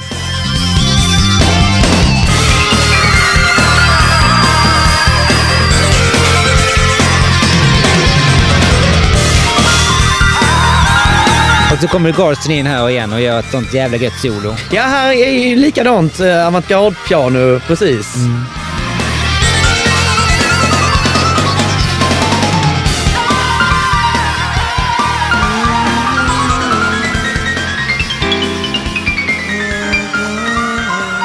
Ja, för här går den in i något riktigt jazzigt absolut. Ja, ja.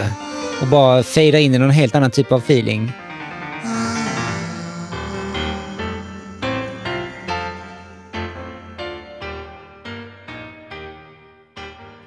Men det är som du säger, det är inga hastverk, utan det är verkligen... Eh, man har ansträngt sig.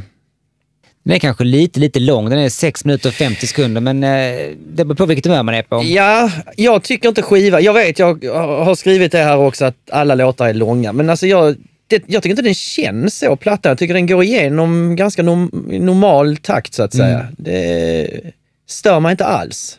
Det är flera låtar som är över sex minuter. Mm.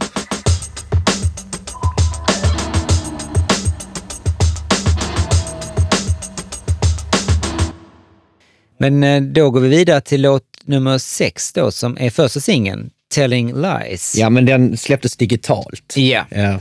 Det är det vi får eh, gå in Stor lite på skillnad, ju. ja, Ja. för mig i alla fall.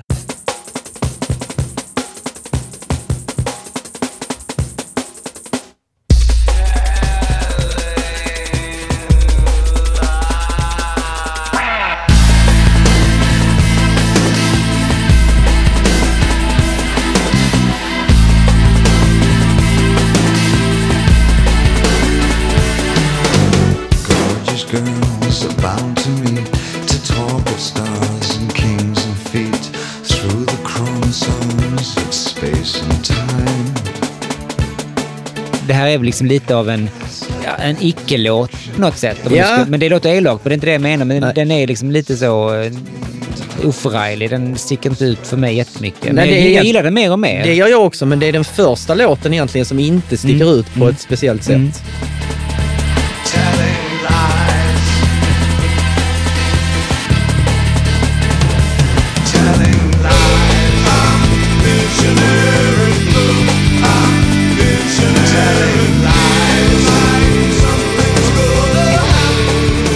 Tydligen var det så att i refrängen här så sjöng han egentligen Starting Fires Ja. innan han bytte det. Det har jag också läst någonstans. Och det är jag lite kul för att det, Prodigy's första Ja, listetta Fire- var ju Firestarter. Det har med det, ja precis. kan vara att det kom därifrån. Ja.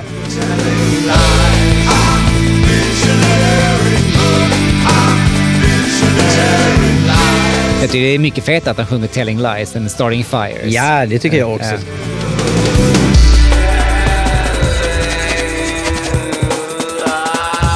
Det här är lite kul för att den här skrevs väldigt tidigt då. Den kom ju redan ett halvår innan eh, skivan släpptes och den påbörjades av Bowie på, eh, på egen hand eh, i Schweiz där han bodde då. Mm. Och sen testade han med, den, med bandet sin låtidé och så var det liksom tillsammans då som man formade låten. Och det här blev liksom det som sen satte mallen för hur man sen jobbade med sounden och med arbetssättet.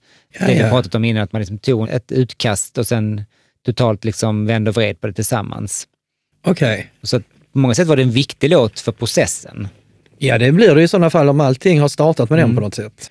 För det, de få demos som jag har hört av Bowies hemmastudio, det framförallt ifrån um, Blackstar, det är jävligt ball. Alltså, han var ju ganska sloppy. Alltså, han tog liksom eh, en trumloop och sen fuckade med den och så på med lite sax och så gitarr och så köttade han på bara. Han var inte sådär så att han var noga och jobbade i timmar med smågrejer. Han, var- han var en otålig person. Ja. Så han hade inte tid att fucka med grejer. Han, nu, nu kör vi detta och så nästa och nästa och sen är det Just klart. det. Just det. Och den här låten känns lite så. Exakt.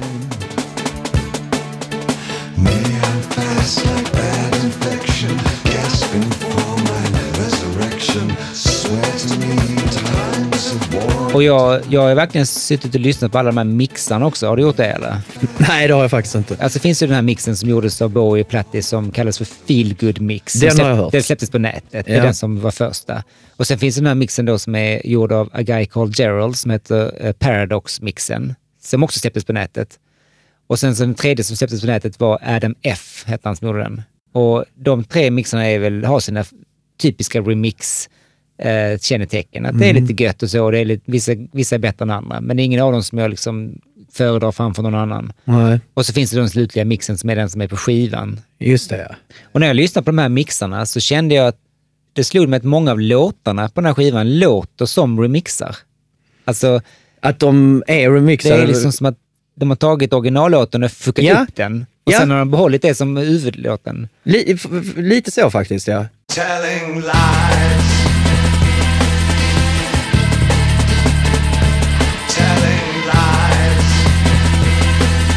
Mellan fraserna så kommer det en gitarr som liksom... Jag får sån Nine Inch Nails-vibb av den. Det är mycket jag får Nine Inch Nails-vibbar av här.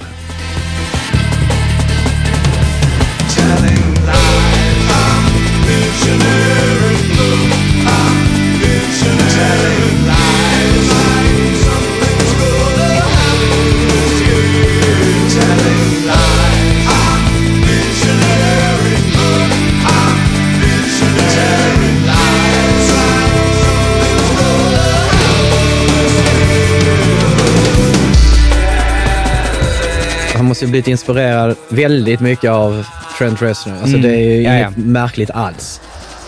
Ja, deras vänskap är ju ganska härlig på många Ja. sätt. Den var så genuin och, och, och han hjälpte ju Trent väldigt mycket. Mm. Eh, alltså inte musikaliskt utan med han, han var ju ganska nere Mm. i skiten, både droger och depression och lost liksom. Mm. Och då, då var liksom han där som en, eh, ja, som en, som en äldre pappa liksom. Men som, han tenderar ju att göra det till artister han gillar. Han gjorde likadant med Iggy Pop och Lou Reed. Liksom. Mm. Ja. Eh, det finns någon sån här snällhet, eller om det är att han bara tänker på sig själv, det vet jag inte. Men, eh, Ja, men det var nog en symbios lite. Ja. Han, han, eh, han sökte sig till unga Mm. talanger för att eh, man, han, han omgav sig med briljanta människor. Liksom. ja, ja.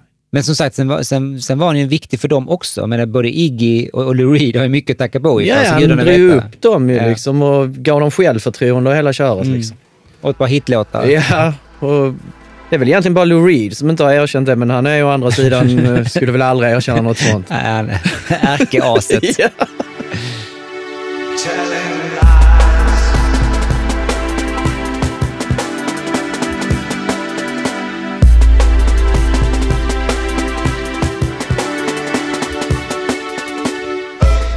Men även här så har de liksom lyckats krama ur så mycket ur en ganska enkel idé. Ja, ja. De spelar den på alla de sätten man kan spela den på. Liksom. Det verkar så. Avskalat, fullt ös, med bandet, med Ja. lite alltså, alla varianter. Och det är också en jävla mixprestation att få det att funka. Ja, att gud, eh, ja. allting hörs och eh, kommer fram. Liksom. För att när man har Ja, så ja. mycket ljud så kan det lätt bli ja, grötigt. Liksom. Grötigt och grumligt, men här Mm. är det verkligen, okej nu sitter vi med bra hörlurar och sånt, men man hör verkligen allt. Mm. Ja, det är fett. Bom, bom, bom, bom, bom, bom, bom, bom. Ja, det är riktigt härligt.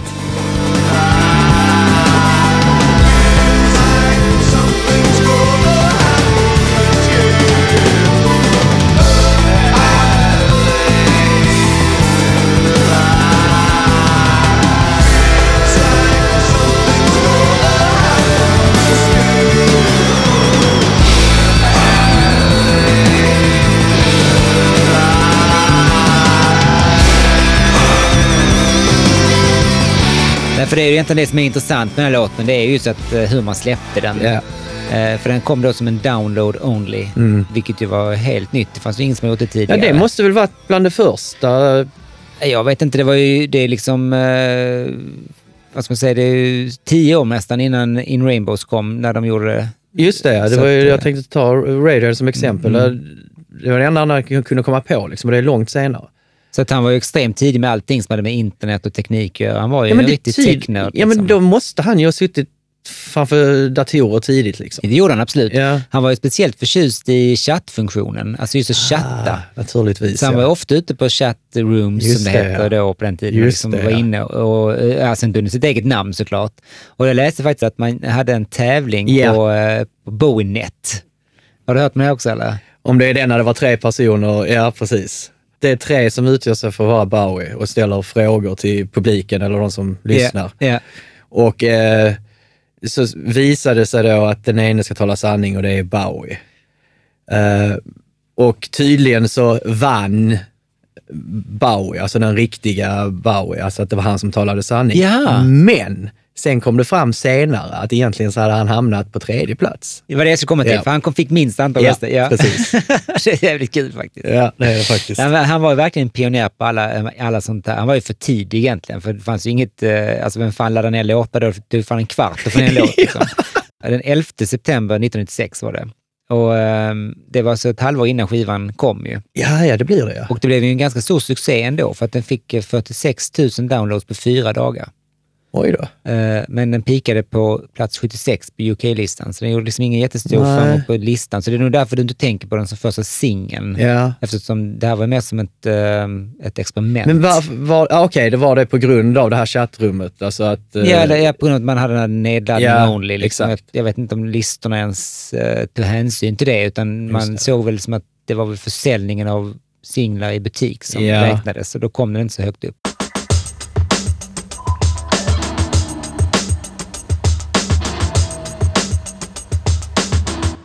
Då ehm, är vi framme vid eh, låt nummer sju, The last thing you should do.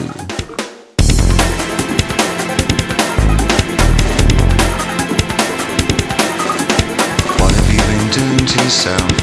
What have you been doing to yourself? What have you been doing to yourself? That's the last thing you should do. Det här är den sista låten som skrevs till skivan. Um, alltihopa skrevs på en dag Okej. av Bowie och eh, Reeves tillsammans. Mm. Egentligen var det lite så att de hade tänkt att det var en B-sida de skulle skriva. Som sen blev uppgraderad till, till att komma med på plattan. Exakt. Mark Platte ville inte ha med den på eh, plattan, men Nej. sen så började Bowie förklara att den passade bättre in konceptuellt. Och den ersatte en akustisk version Mm. av I Can't Read. Ja, vilket är en gammal Tin Machine. Ja. eh, Det är jättekonstigt att han Jag är är... väldigt glad att man inte hade med... Jag älskar I Can't Read. Ja, men jag en, håller med. en akustisk version av den här skulle kännas som ett väldigt konstigt tillbakasteg. Ja, den har inte alls passat in. Och den versionen som man sen scrappade, den hamnade på soundtracket till Ang Lees Ja. The Ice Storm. Ja, har jag också läst. Vi kan höra den låten. Mm. I can't read and I can't write down.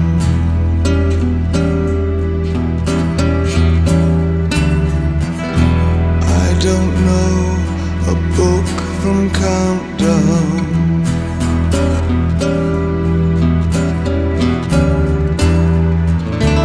I don't know which shadow gets me.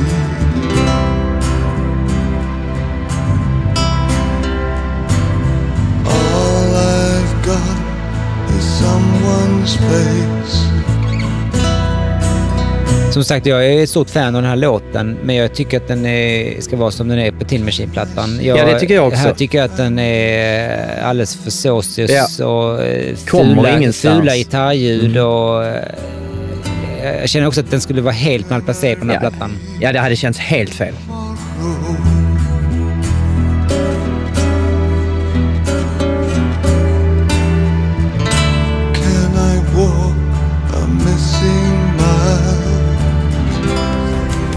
Ja, nej, så att om man då tänker att man liksom gick ifrån detta och så istället valde man att liksom hålla, göra det här så känns det här liksom okej. Ja, ja. Save the last dance for me. Catch the last bus with me. Give the last kiss to me. Denna passar ju in trots Verkligen. att den är liksom, den är annorlunda för det är ju liksom ingen rave rocker Mm. och den är, alltså verserna är väldigt lugna och så här Mm. liksom. Det är ju bara det hans gitarrljud egentligen.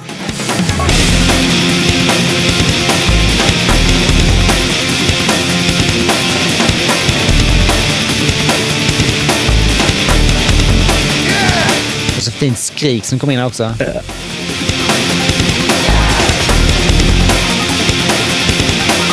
Ja, den är ju annorlunda helt klart än alla Mm. andra. Jag gillar den skarpt. Tycker den är jätteskön.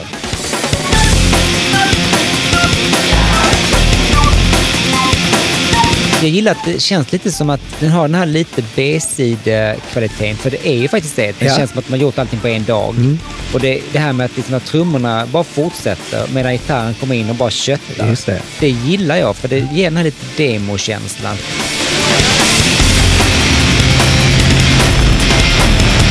Därför hade det blivit mer liksom rocktrummor här så hade jag nog...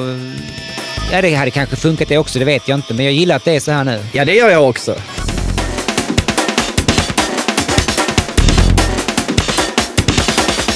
Sen när de går in i det här mittpartiet är det riktigt fett Ja, ja.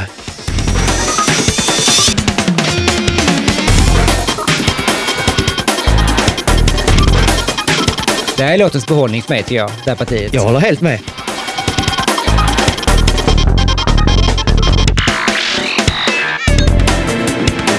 Och så är det David Bowie. Alltså, Mm. jag kommer ihåg att jag tänkte på det när jag lyssnade på den här dagen att fan alltså, detta är riktigt jävla bra alltså. To yourself? What have you been doing to yourself? What have you been doing to yourself? It's the last thing you should do. Det finns också Neil Tennant-vibe här ju. Ja, ja. Visst finns det det. Pet Shop Boys ja. soundet, Mycket. liksom. Det, det som ligger i bakgrunden där är så mm, Pet Shop mm, Boy-aktigt. mm, mm. Och Pet Shop Boys är ju en av mina guilty pleasures. Ja, okej. Ja, Jag har Det aldrig tror gillat jag dem har berättat mycket. för dig. Nej, det känns inte bekant. Det har jag förträngt. Jag kan förstå att man gillar dem, men jag har aldrig fastnat för dem. Nej, men jag sa att det var en guilty pleasure Ja, också. jag nu, har du inte, nu är den ute i Ja, etern. nu finns den. Nu är det inte det längre. Nej, nu är den ex, extremt Tears for Fears exposed. är där också. Ja, de kan jag gilla. Ja. the last kiss to me. It's the safest thing to do.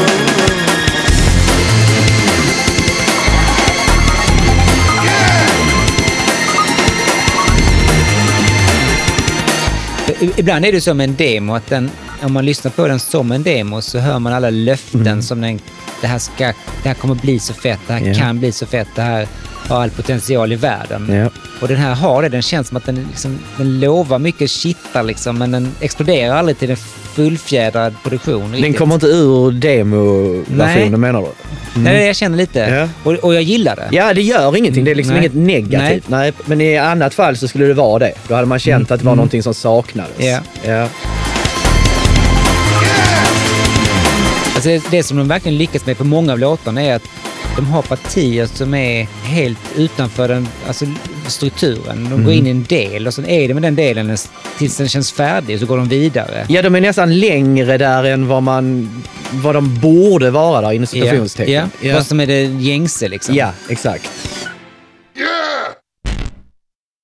Det är därför jag är så fascinerad av denna skivan, för att varenda jävla låt funkar. Alltså, Mm. Blir bra alltså. De verkar ju inte haft någon som helst betänkligheter kring men vänta här nu, vi körde det här sex gånger, ska vi köra det 18 gånger nu? Ja, det Då gör vi det. Ja. Och, och då än en gång tänker jag på Blurs 13, för Mm. den är för mig också så eh, punkig liksom, i sitt sätt och bara liksom inte bry är- sig om liksom, reglerna. Ja, ja, den är också helt så utspridd Mm. och, och Man får inte komma ihåg också att det här är inte en deb- debutant. För det är en Nej. sak att vara jävligt kaxig och göra någonting som första Yeah. gångs artist. Man, man är okänd, man, ingen som har ögonen på en riktigt. Och liksom att vara en storsäljande artist, en etablerad artist och våga göra detta. När Mm. alla egentligen förväntar sig något annat. Inte minst skivbolaget. precis. Men han, han, Så jävla coolt, det är ju alltså. typiskt Bowie, han, han vågar. Sen verkar han skita i vad reaktionerna blir. Ja. Och det, det tycker jag är så stort. Jag tycker för att han, han, han gör ju likadant nästa gång. Då bara hoppar han på någonting annat.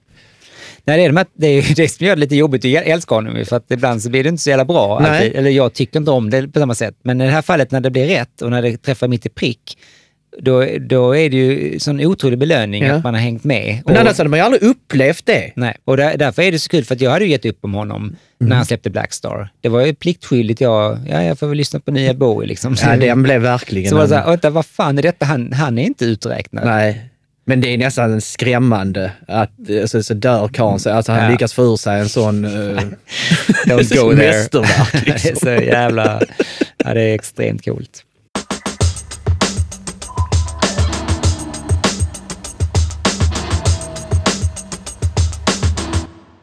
Jag gillar den här låten. Jag eh, måste säga att den eh, var en låt jag absolut inte hade hört tidigare, men eh, det är nästan ingen låt på den här skivan som jag har hört i någon större utsträckning. Det är i så fall eh, Little Wonder kanske. Eh, förutom då nästa låt, eh, som är låt nummer åtta, I'm afraid of Americans, fjärde singeln. Den har jag hört eh, extremt många gånger.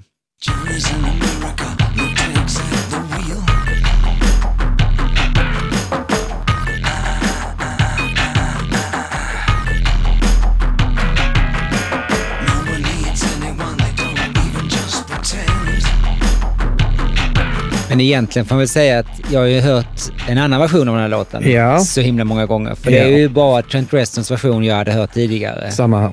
Och de är ju väldigt lika. Mm. Och eh, jag vet inte om du har någon favorit av dem? Egentligen inte faktiskt. Jag tror att jag gillar Trent Restons version bäst, men det är nog mest för att den har det här outrot som Bowie inte riktigt har på samma Nej. sätt. Jag har faktiskt penat lite fram och tillbaka mellan dem och jag, jag är ganska 50-50 Mm. på dem. Jag tycker Bowie har minst lika mycket tryck i den som uh, Mm. Trent Reznor.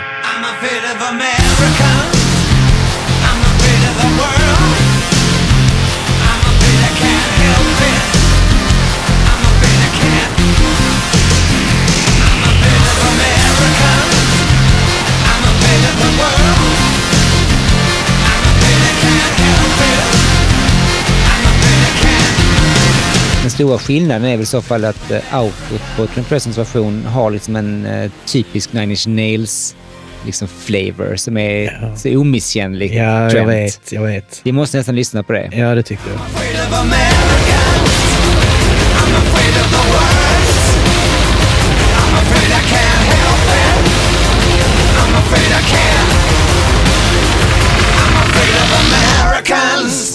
Den här typen av trummor gör ju att det, är så, det blir så hårt Ja. på ett sätt som inte behöver vara med gitarrer. Nej, det är helt riktigt.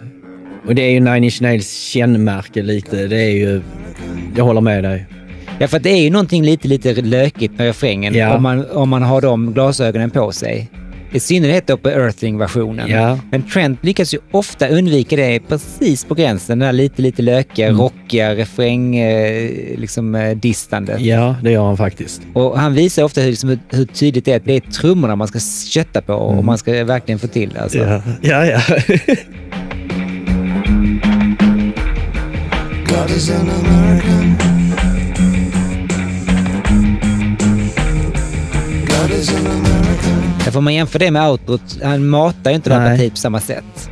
Utan han bara går in lite kort i det liksom.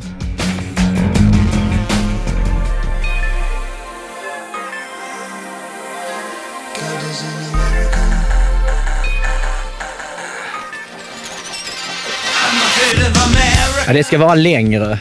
Ja, här liksom, det här håller inte för mig. Det, det håller jag med dig om. Det är helt onödigt. Jag, vet, alltså, jag reagerade faktiskt på det. Jag tycker det är ett märkligt inlägg där med de trummorna.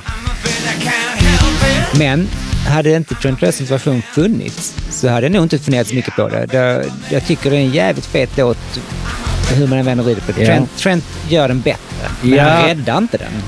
Från en kass låt till en bra låt. Nej, jag, det, det, det kan jag väl hålla med dig om, men... eh, Ja, det finns mycket annat att älska. Det är coola ljud Ja, ja, ja. med gitarrerna och distade syntar och sången är coolt lagd också. oh ja.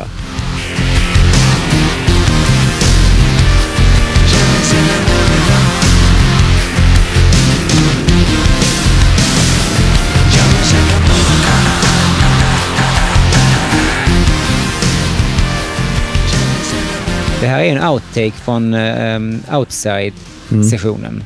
Ja, det visste jag. Eh, tydligen gjordes det här i sista dagarna där till den inspelningen och jag vet faktiskt inte varför man inte gjorde klart den. Det var det var som att eh, man orkar väl inte. Den är jävligt lång outside så man var lite trött. De fick nog helt Ja. enkelt.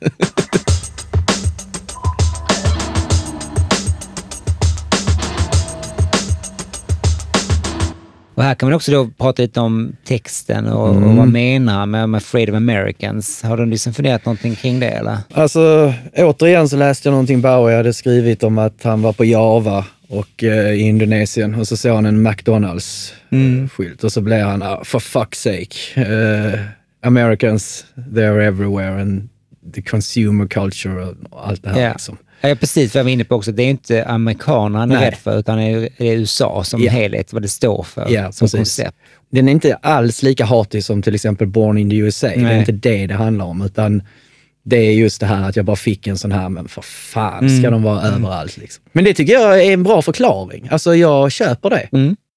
Det har man ju sett genom Bowies hela karriär, den här fascinationen och eh, liksom, eh, intresset för USA, USAs kultur eh, och även liksom något vis en... Eh, han, hade, han hade inte en helt okluven inställning till USA. Han var ju liksom både fascinerad och lite skrämd Ja. och lite förfasad Ja, över vad han såg och vad han upplevde där. Liksom. Speciellt under Aladdin Sane-turnén och Young American såklart. Ja, men det finns hela tiden att han verkar vara ändå vara, precis som du säger, fascinerad av Mm. USA. Alltså att det är på båda hållen på något sätt. Och det är han inte ensam om. Det var ju Nej. Beatles och Stones också. Ja, Det är ja. det landet man vill erövra Ja, ja. och, och förstå sig på. Det är ju ett komplext land, en komplex kultur och en, en icke-kultur på många sätt. Men, Ja. och, men, Och, och helt annorlunda än alla andra västländer. mm,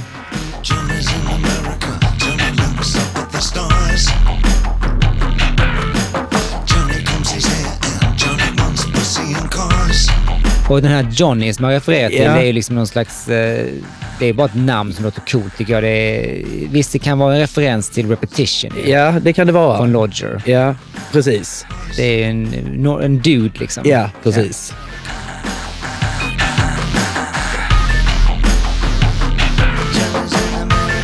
Är det bara jag som tyckte att han sjunger kock här? Det har jag nog inte tänkt på.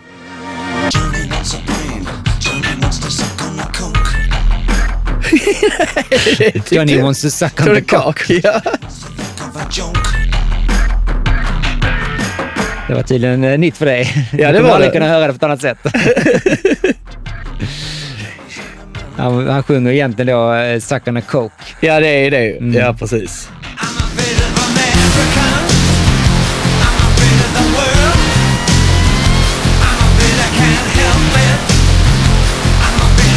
Ja, han, han sjunger med Afraid of Americans i den här, men i en första versionen som kom till eh, soundtracket till filmen Showgirls. Ja. Där sjunger han eh, istället för I'm afraid of Americans så sjunger han I'm afraid of the animals. Ah, Och okej. det låter så här.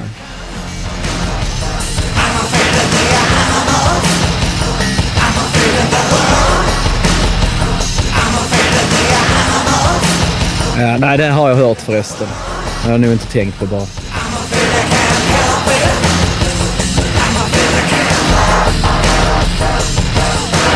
Den här låten har ju haft lite av en filmhistoria just för att den erbjöds också till Keanu Reeves till filmen Johnny M. Mnemonic. Men efter att han har fått en varning från Eno att den här filmen var så kass så drog han tillbaka erbjudandet. Och eh, det kan vara så att den här Johnny kanske är en rest ifrån den tiden när den var tänkt till den filmen. Jag vet inte. Ja, men varför kom det med i Showgirls då? Ja, det, väl Det är också en kassfilm. Ja, det är... ja, precis. Han gick ur askan i elden.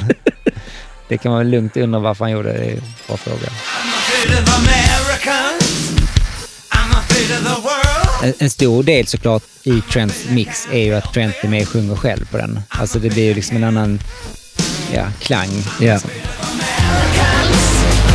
I'm afraid of the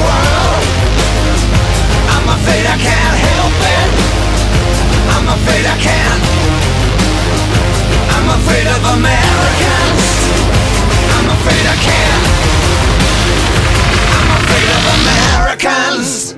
Jag tycker ändå det är intressant att, att han väljer att släppa en singel som är en remix. Ja, ja. Och göra en video på den också så att han satsar på den.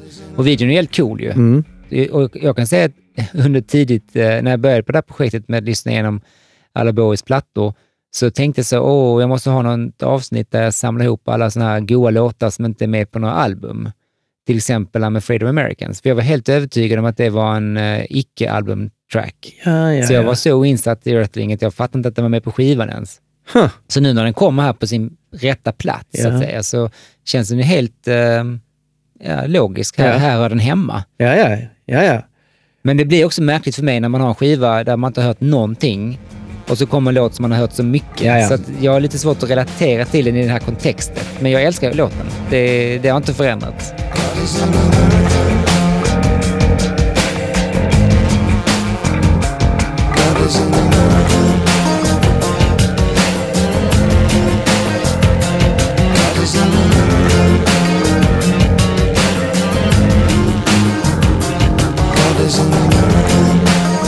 Det vittnar ju om en otrolig liksom insikt ändå, att han liksom fattar när han hörde den här versionen att det här är bättre. Mm. Liksom. Den här kör vi på. Ja, ja, ja. Det tror jag också.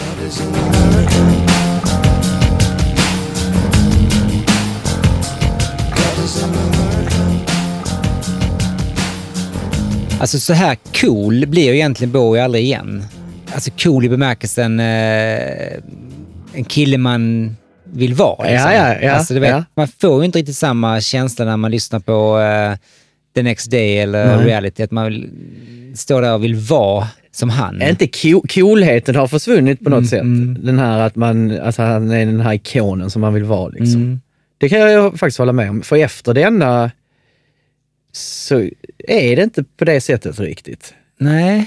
Sen kommer Hours liksom och Ja. då är han inte direkt cool tycker jag. Eh, Det omslaget ser för jävligt ut också. Ja.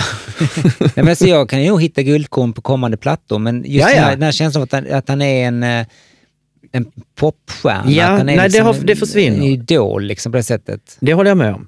Eh, Så som han är på, på den här låten och sin look också. Mm. Han ser cool ut Mm. liksom med sin, lilla- ja det är klart väldigt 90-tal ju. Med Jo, sin läderrock och eh, sitt eh, gula hår och sin Ja, men alltså, det är nostalgi och så här Mm. också ju. Det, Mm. ja, det köper jag helt klart.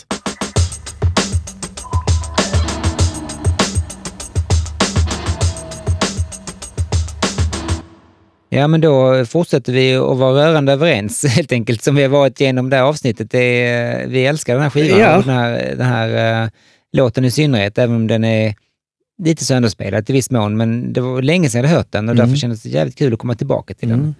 Han kanske skulle slutat skivan här. Jag vet inte, för att... eh, Nästa låt menar du? Ja, vi kanske ska gå in på låt nummer nio, Ja. så vi får det gjort. Eh, Riva av det plåstret. Eh, Law, Earthlings on Fire, inom parentes. Ja, det är ju många tydligen som undrar vad fan den gör där. Eh, Ja, och jag är nog en av dem. ja.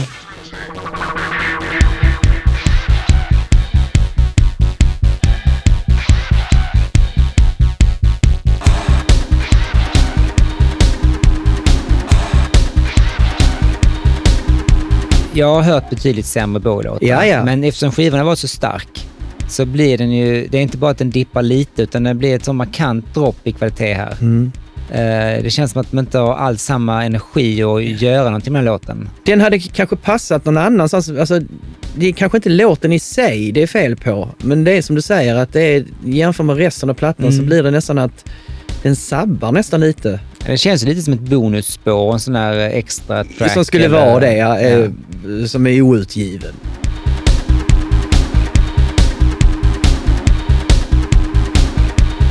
Det var en av de första man skrev till plattan. Man lärde sig lite hur man klipper och klistrar det här och man fick ihop sina delar snabbt. Liksom. Det, det är i sådana fall mer intressant om hur låten kom till. Att det var en Reese Gabriel-musik från början Okej, som hette Bits.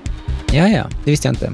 Och sen så tyckte Bowie att ja, men det här kan vi nog göra någonting eh, av. Mm. Och, så, och så blev det då detta.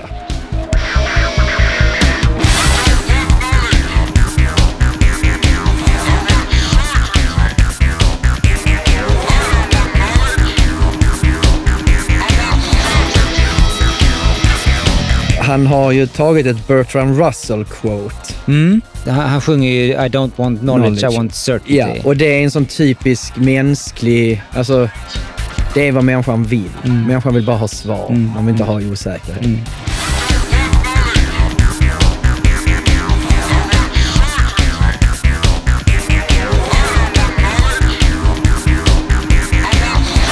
Och Bertrand Russell som givetvis var en filosof, han går ju djupt in på det. Mm, okej. Eh, Så att jag tycker det i sådana fall är det coola med låten, att den har en sån bakgrund. Den andemeningen och den, det citatet är coolt. Jag tycker kanske inte han... Det låter inte så coolt som det liksom maler på som en, Nej, som nej. en galen preacher liksom om och om igen. Men, men jag tycker om det han säger. För det kunde varit ett lökigt citat också, eller lökigt sampling. Ja, exakt. Alltså om man läser det så är det häftigt. Men jag, jag håller med dig om att det, det, det, i låten så är Mm. det... Jag skulle önskat att han hittat liksom ett klipp där han sa det, Burton Russell Ja. själv. Och så liksom samplat in det, för att det känts lite mer um, ja, samplat. Ja, och det hade varit häftigt.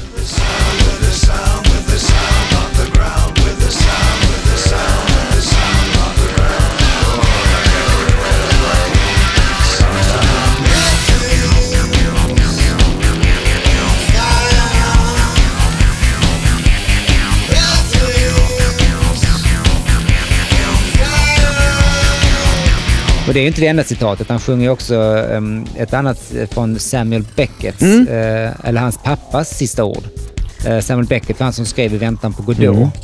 In a house a man drops dead as he hits the floor he sighs what a morning.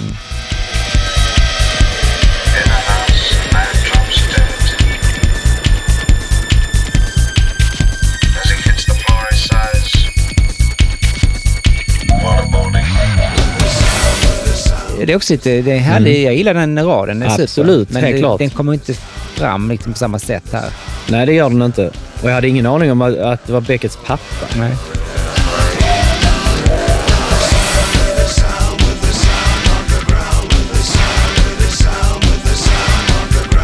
Apropå det här Bertrand Russell-citatet så sa Bowie As I got older I was more able to accept the idea that you don't have certainty on this earth. Rather than make you more perplexed and worried, it actually lightens the load when you realize there are no certainties. Ja. Det går ihop med den här buddhistiska inställningen Mm. till livet som är så eh, förlåtande, så Ja. man liksom, acceptansen är så stor liksom för allting. Och det tror jag var en jävla hjälp till honom när han stod inför döden. Det tror jag också. Så bara därför borde man kanske bli buddhist på äldre dagar. Det är ju lite buddhismens, buddhismens grej. Liksom. Mm. Att, att hela tiden det här, du kan göra vad du vill, men ta medelvägen. Mm.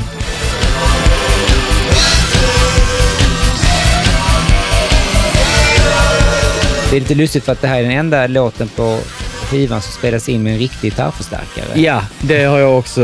Inte för att jag kan höra någon skillnad direkt. Det, för det tänkte jag till och med ta upp för att eh, de använder en eh, riktig förstär- förstärkare och så använder de en eh, 910 Harmonizer som Bowie använde på 70-talet. Mm, just det. Man sjunger dessutom genom någon slags vattenflaska in genom den. ja, exakt.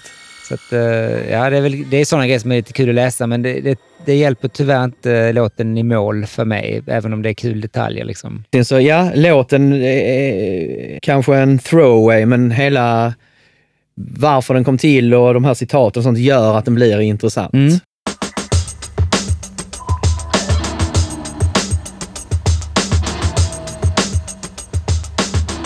Men skulle vi vilja att den inte var med alls? Det är intressant att du säger det, för jag tycker inte heller att det är kanske klockrent att sluta med I'm afraid of Americans, om det nu skulle vara den man bara låter den vara sist. Nej. Men det finns en annan låt som heter Planet of Dreams. Mhm. Har du hört den? Nej, det tror jag inte. Eh, Det är en- den enda låten som han skrev ihop med Gaylan Dorsey, deras liksom officiella ja, co-write tillsammans. Eh, den spelades in efter Earthling-sessionen var avslutad eh, och kom ut 1997 på en, alltså samma år, fast på en samlingsplatta som heter Long Live Tibet. Ja, ja, ja. Jag visste inte att det var den låten. Mm. Okej. Och den, om man sätter den som sista låt, så känner jag att den skulle vara klockren faktiskt. För det är en jävligt fin eh, låt som har lite den här avslutningsvibben. Liksom. Ja, ja, ja, ja. Och så är det kul också att Gillian Dorsey skulle i så fall ha fått med en låt. För hon var ändå med vid hans sida många år och gjorde mycket. Men fick aldrig en co-write officiellt, förutom då eh, på den här samlingsplattan. ja det hade varit mycket bättre. ju. Mm. Nothing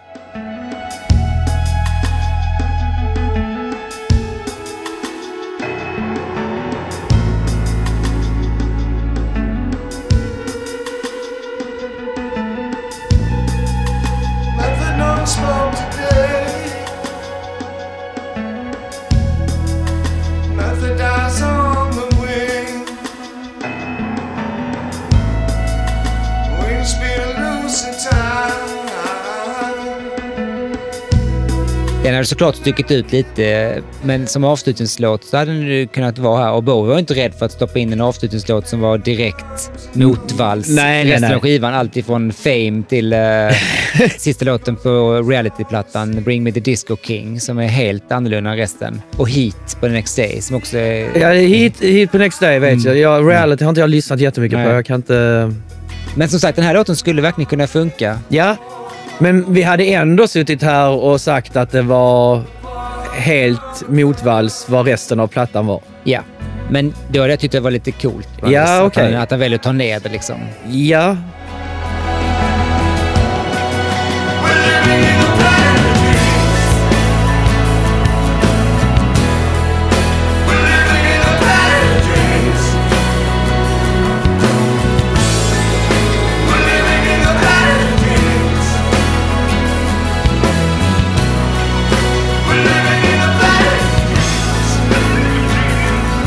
ja den här är ju skön ju. Mm.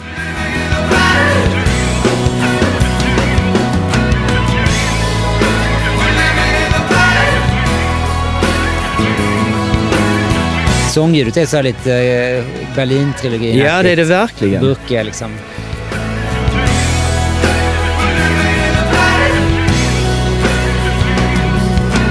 Men den är också helt... Alltså, Ja. Law har ju ändå det här elektroniska i sig. Mm. ja. Så den har ju en viss...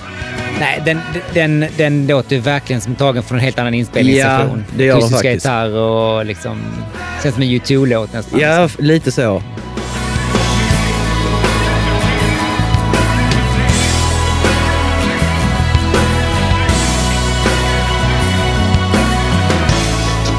Det här var verkligen ehm, en jävla ja, upptäckt. Mm. Att få uh, komma in i Earthling som jag så länge har liksom bara associerat med det här omslaget som jag alltid tyckt varit lite lökigt med den här Union Jack i, i, i rocken och så. Jag har liksom känt att det här är nog inte för mig. Nej, och det sysslade The Who med ändå i slutet av 60-talet och Ja, sånt. och Spice Girls. Ja.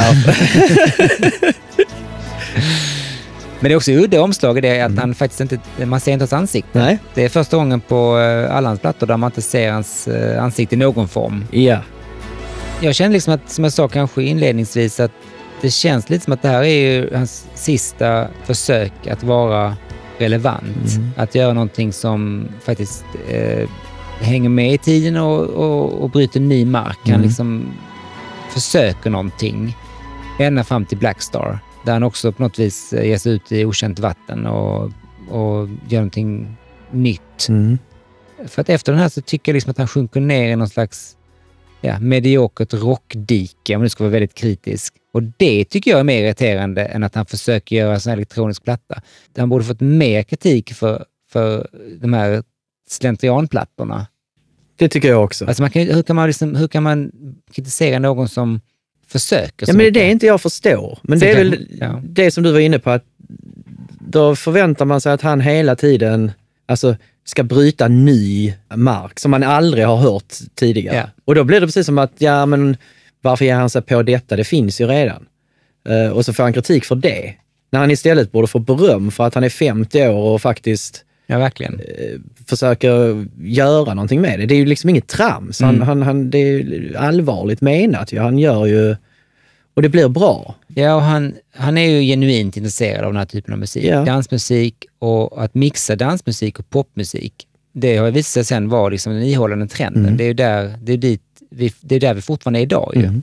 Och det, på så vis var han ju liksom, var han helt rätt på det. Att det är där vi ska jobba. Liksom. För Mm. att, eh, jag kanske kan tycka att hans problem här, om man nu ska kritisera den lite, det är att det är lite för mycket rock, kanske, eh, Ja. i, i den. Men det är en väldigt, väldigt liten kritik. Det är i så fall det enda. För jag har egentligen tänkt så här, hur skulle det vara om Bowie gjorde ett renodlat elektroniskt album? Mm. Där det inte var några gitarrer, där det var liksom en, ehm, och inga riktiga trummor, utan liksom gick in i någonting helt programmerat Just det. och bara liksom fick utforska det 100 procent. För att han har alltid försökt att jämka det. Mm. Och gudarna ska veta att jag älskar ju kompbandet han hade i Berlin, men det var ju ändå ett sätt att få ett svart eh, band liksom att spela liksom vit eh, krautig elektronika. Alltså det, Ja. Och det blir magiskt. Ja, ja, Men det var kul om man någon gång vågade ta steget rakt ut och gjorde någonting helt elektroniskt. ja.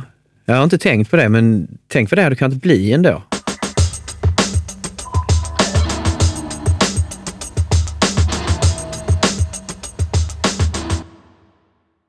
Då skulle jag vilja avbryta avsnittet här för att välkomna Jim, som är en av mina otroliga patrons. Detta är faktiskt första gången som en lyssnare får komma till tals i avsnittet. Och det är ganska enkelt att komma med. Man bara gör som Jim och går in på högsta nivån och blir en så kallad starman. Då får man komma med och snacka lite om ditten och datten. Så att jag säger välkommen till dig nu, Jim Bergqvist. Tack så hemskt mycket. Jag tänkte vi kan väl börja lite mjukt och bara berätta lite om dig själv och sen kanske lite om din relation till Mr Jones.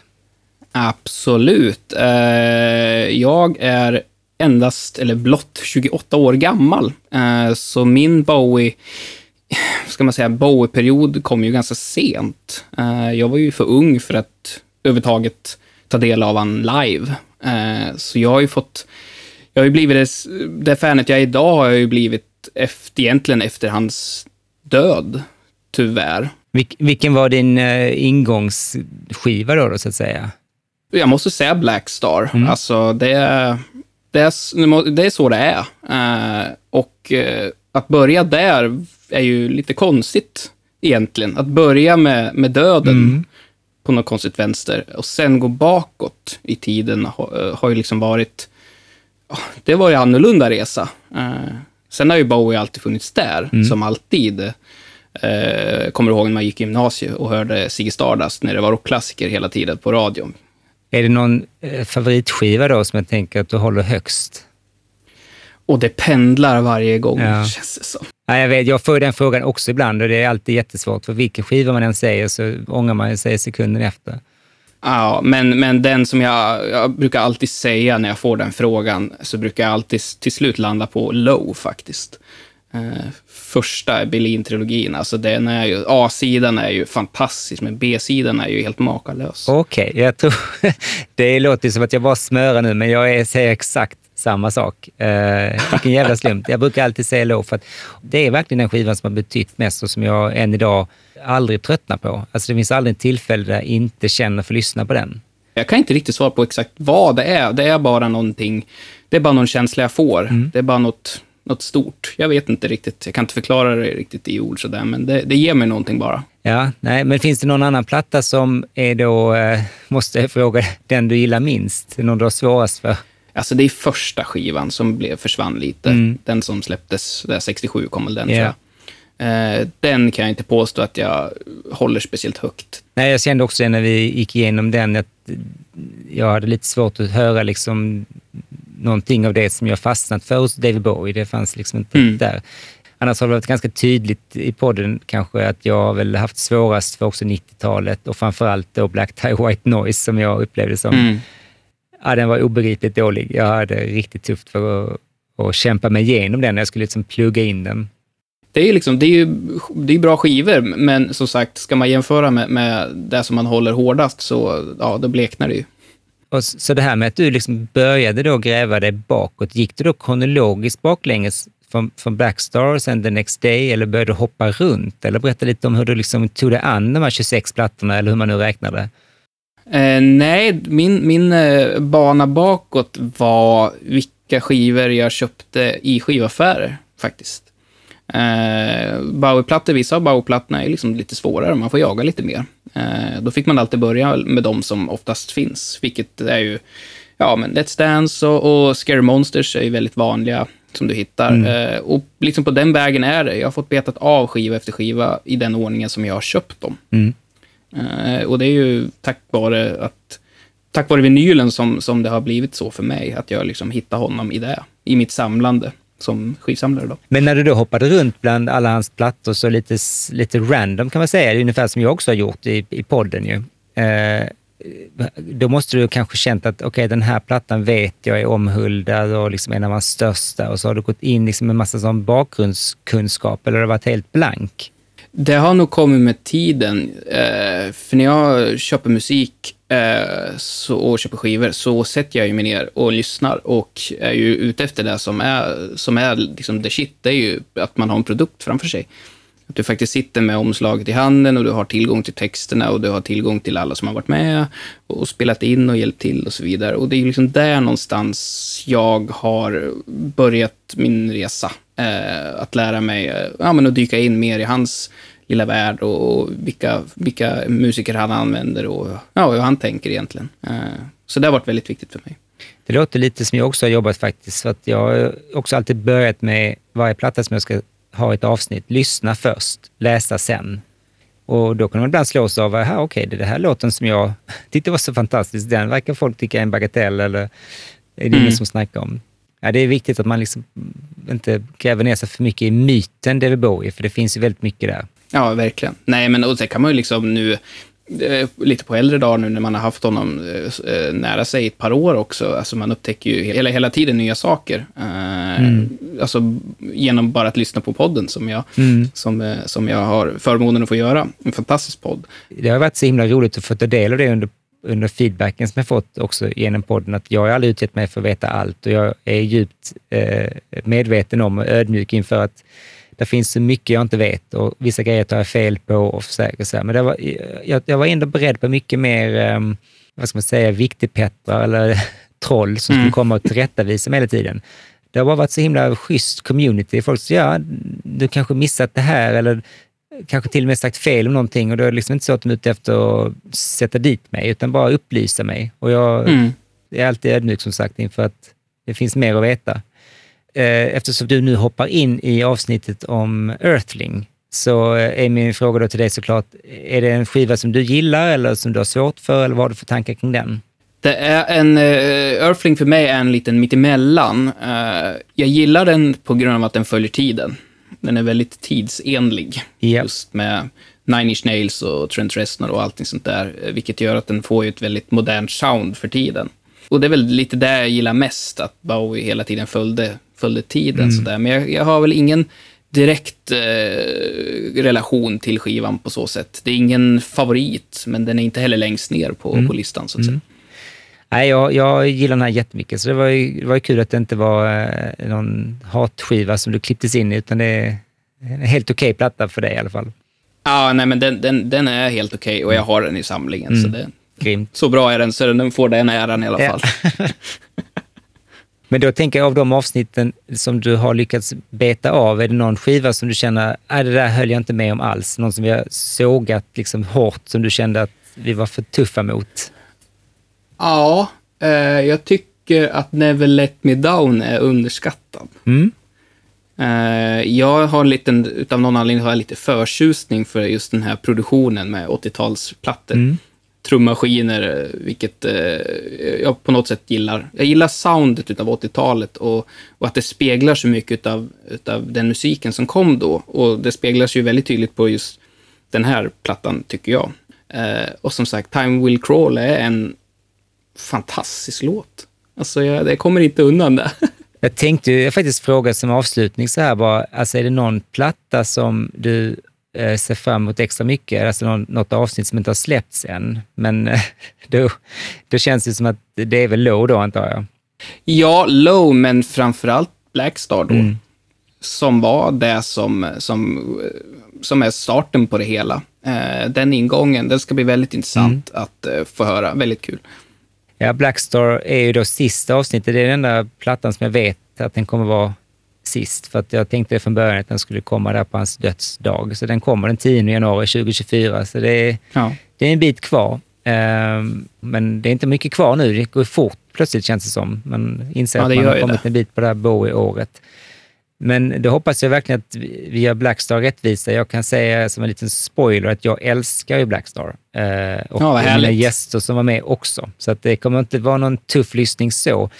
Men det blir väldigt, jag hoppas och minst att det var ett väldigt personligt avsnitt. För att vi pratade väldigt mycket om känslorna som vi kände när den kom och att han gick bort. Och det, var, det, det var en tuff vecka för ett Bowie-fan. Man kastades mellan hopp och förtvivlan. Mm. Ja, men då säger jag stort tack Jim. Jäkligt kul att du ville vara med och eh, keep on listening så, ehm, så ses vi kanske på någon Bowie-event framöver. Tack för att jag fick vara med. Det var en ära.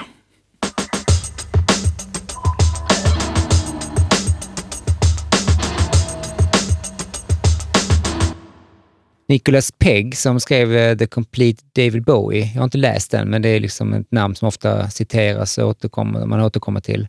Han gör en lustig iakttagelse där han menar att Earthling har samma relation till Outside som Ziggy Stardust har till Hunky Dory eller som Reality har till Heathen. Alltså du menar att den ena skivan känns mer cerebral och eterisk medan uppföljaren känns mer intuitiv och rockig.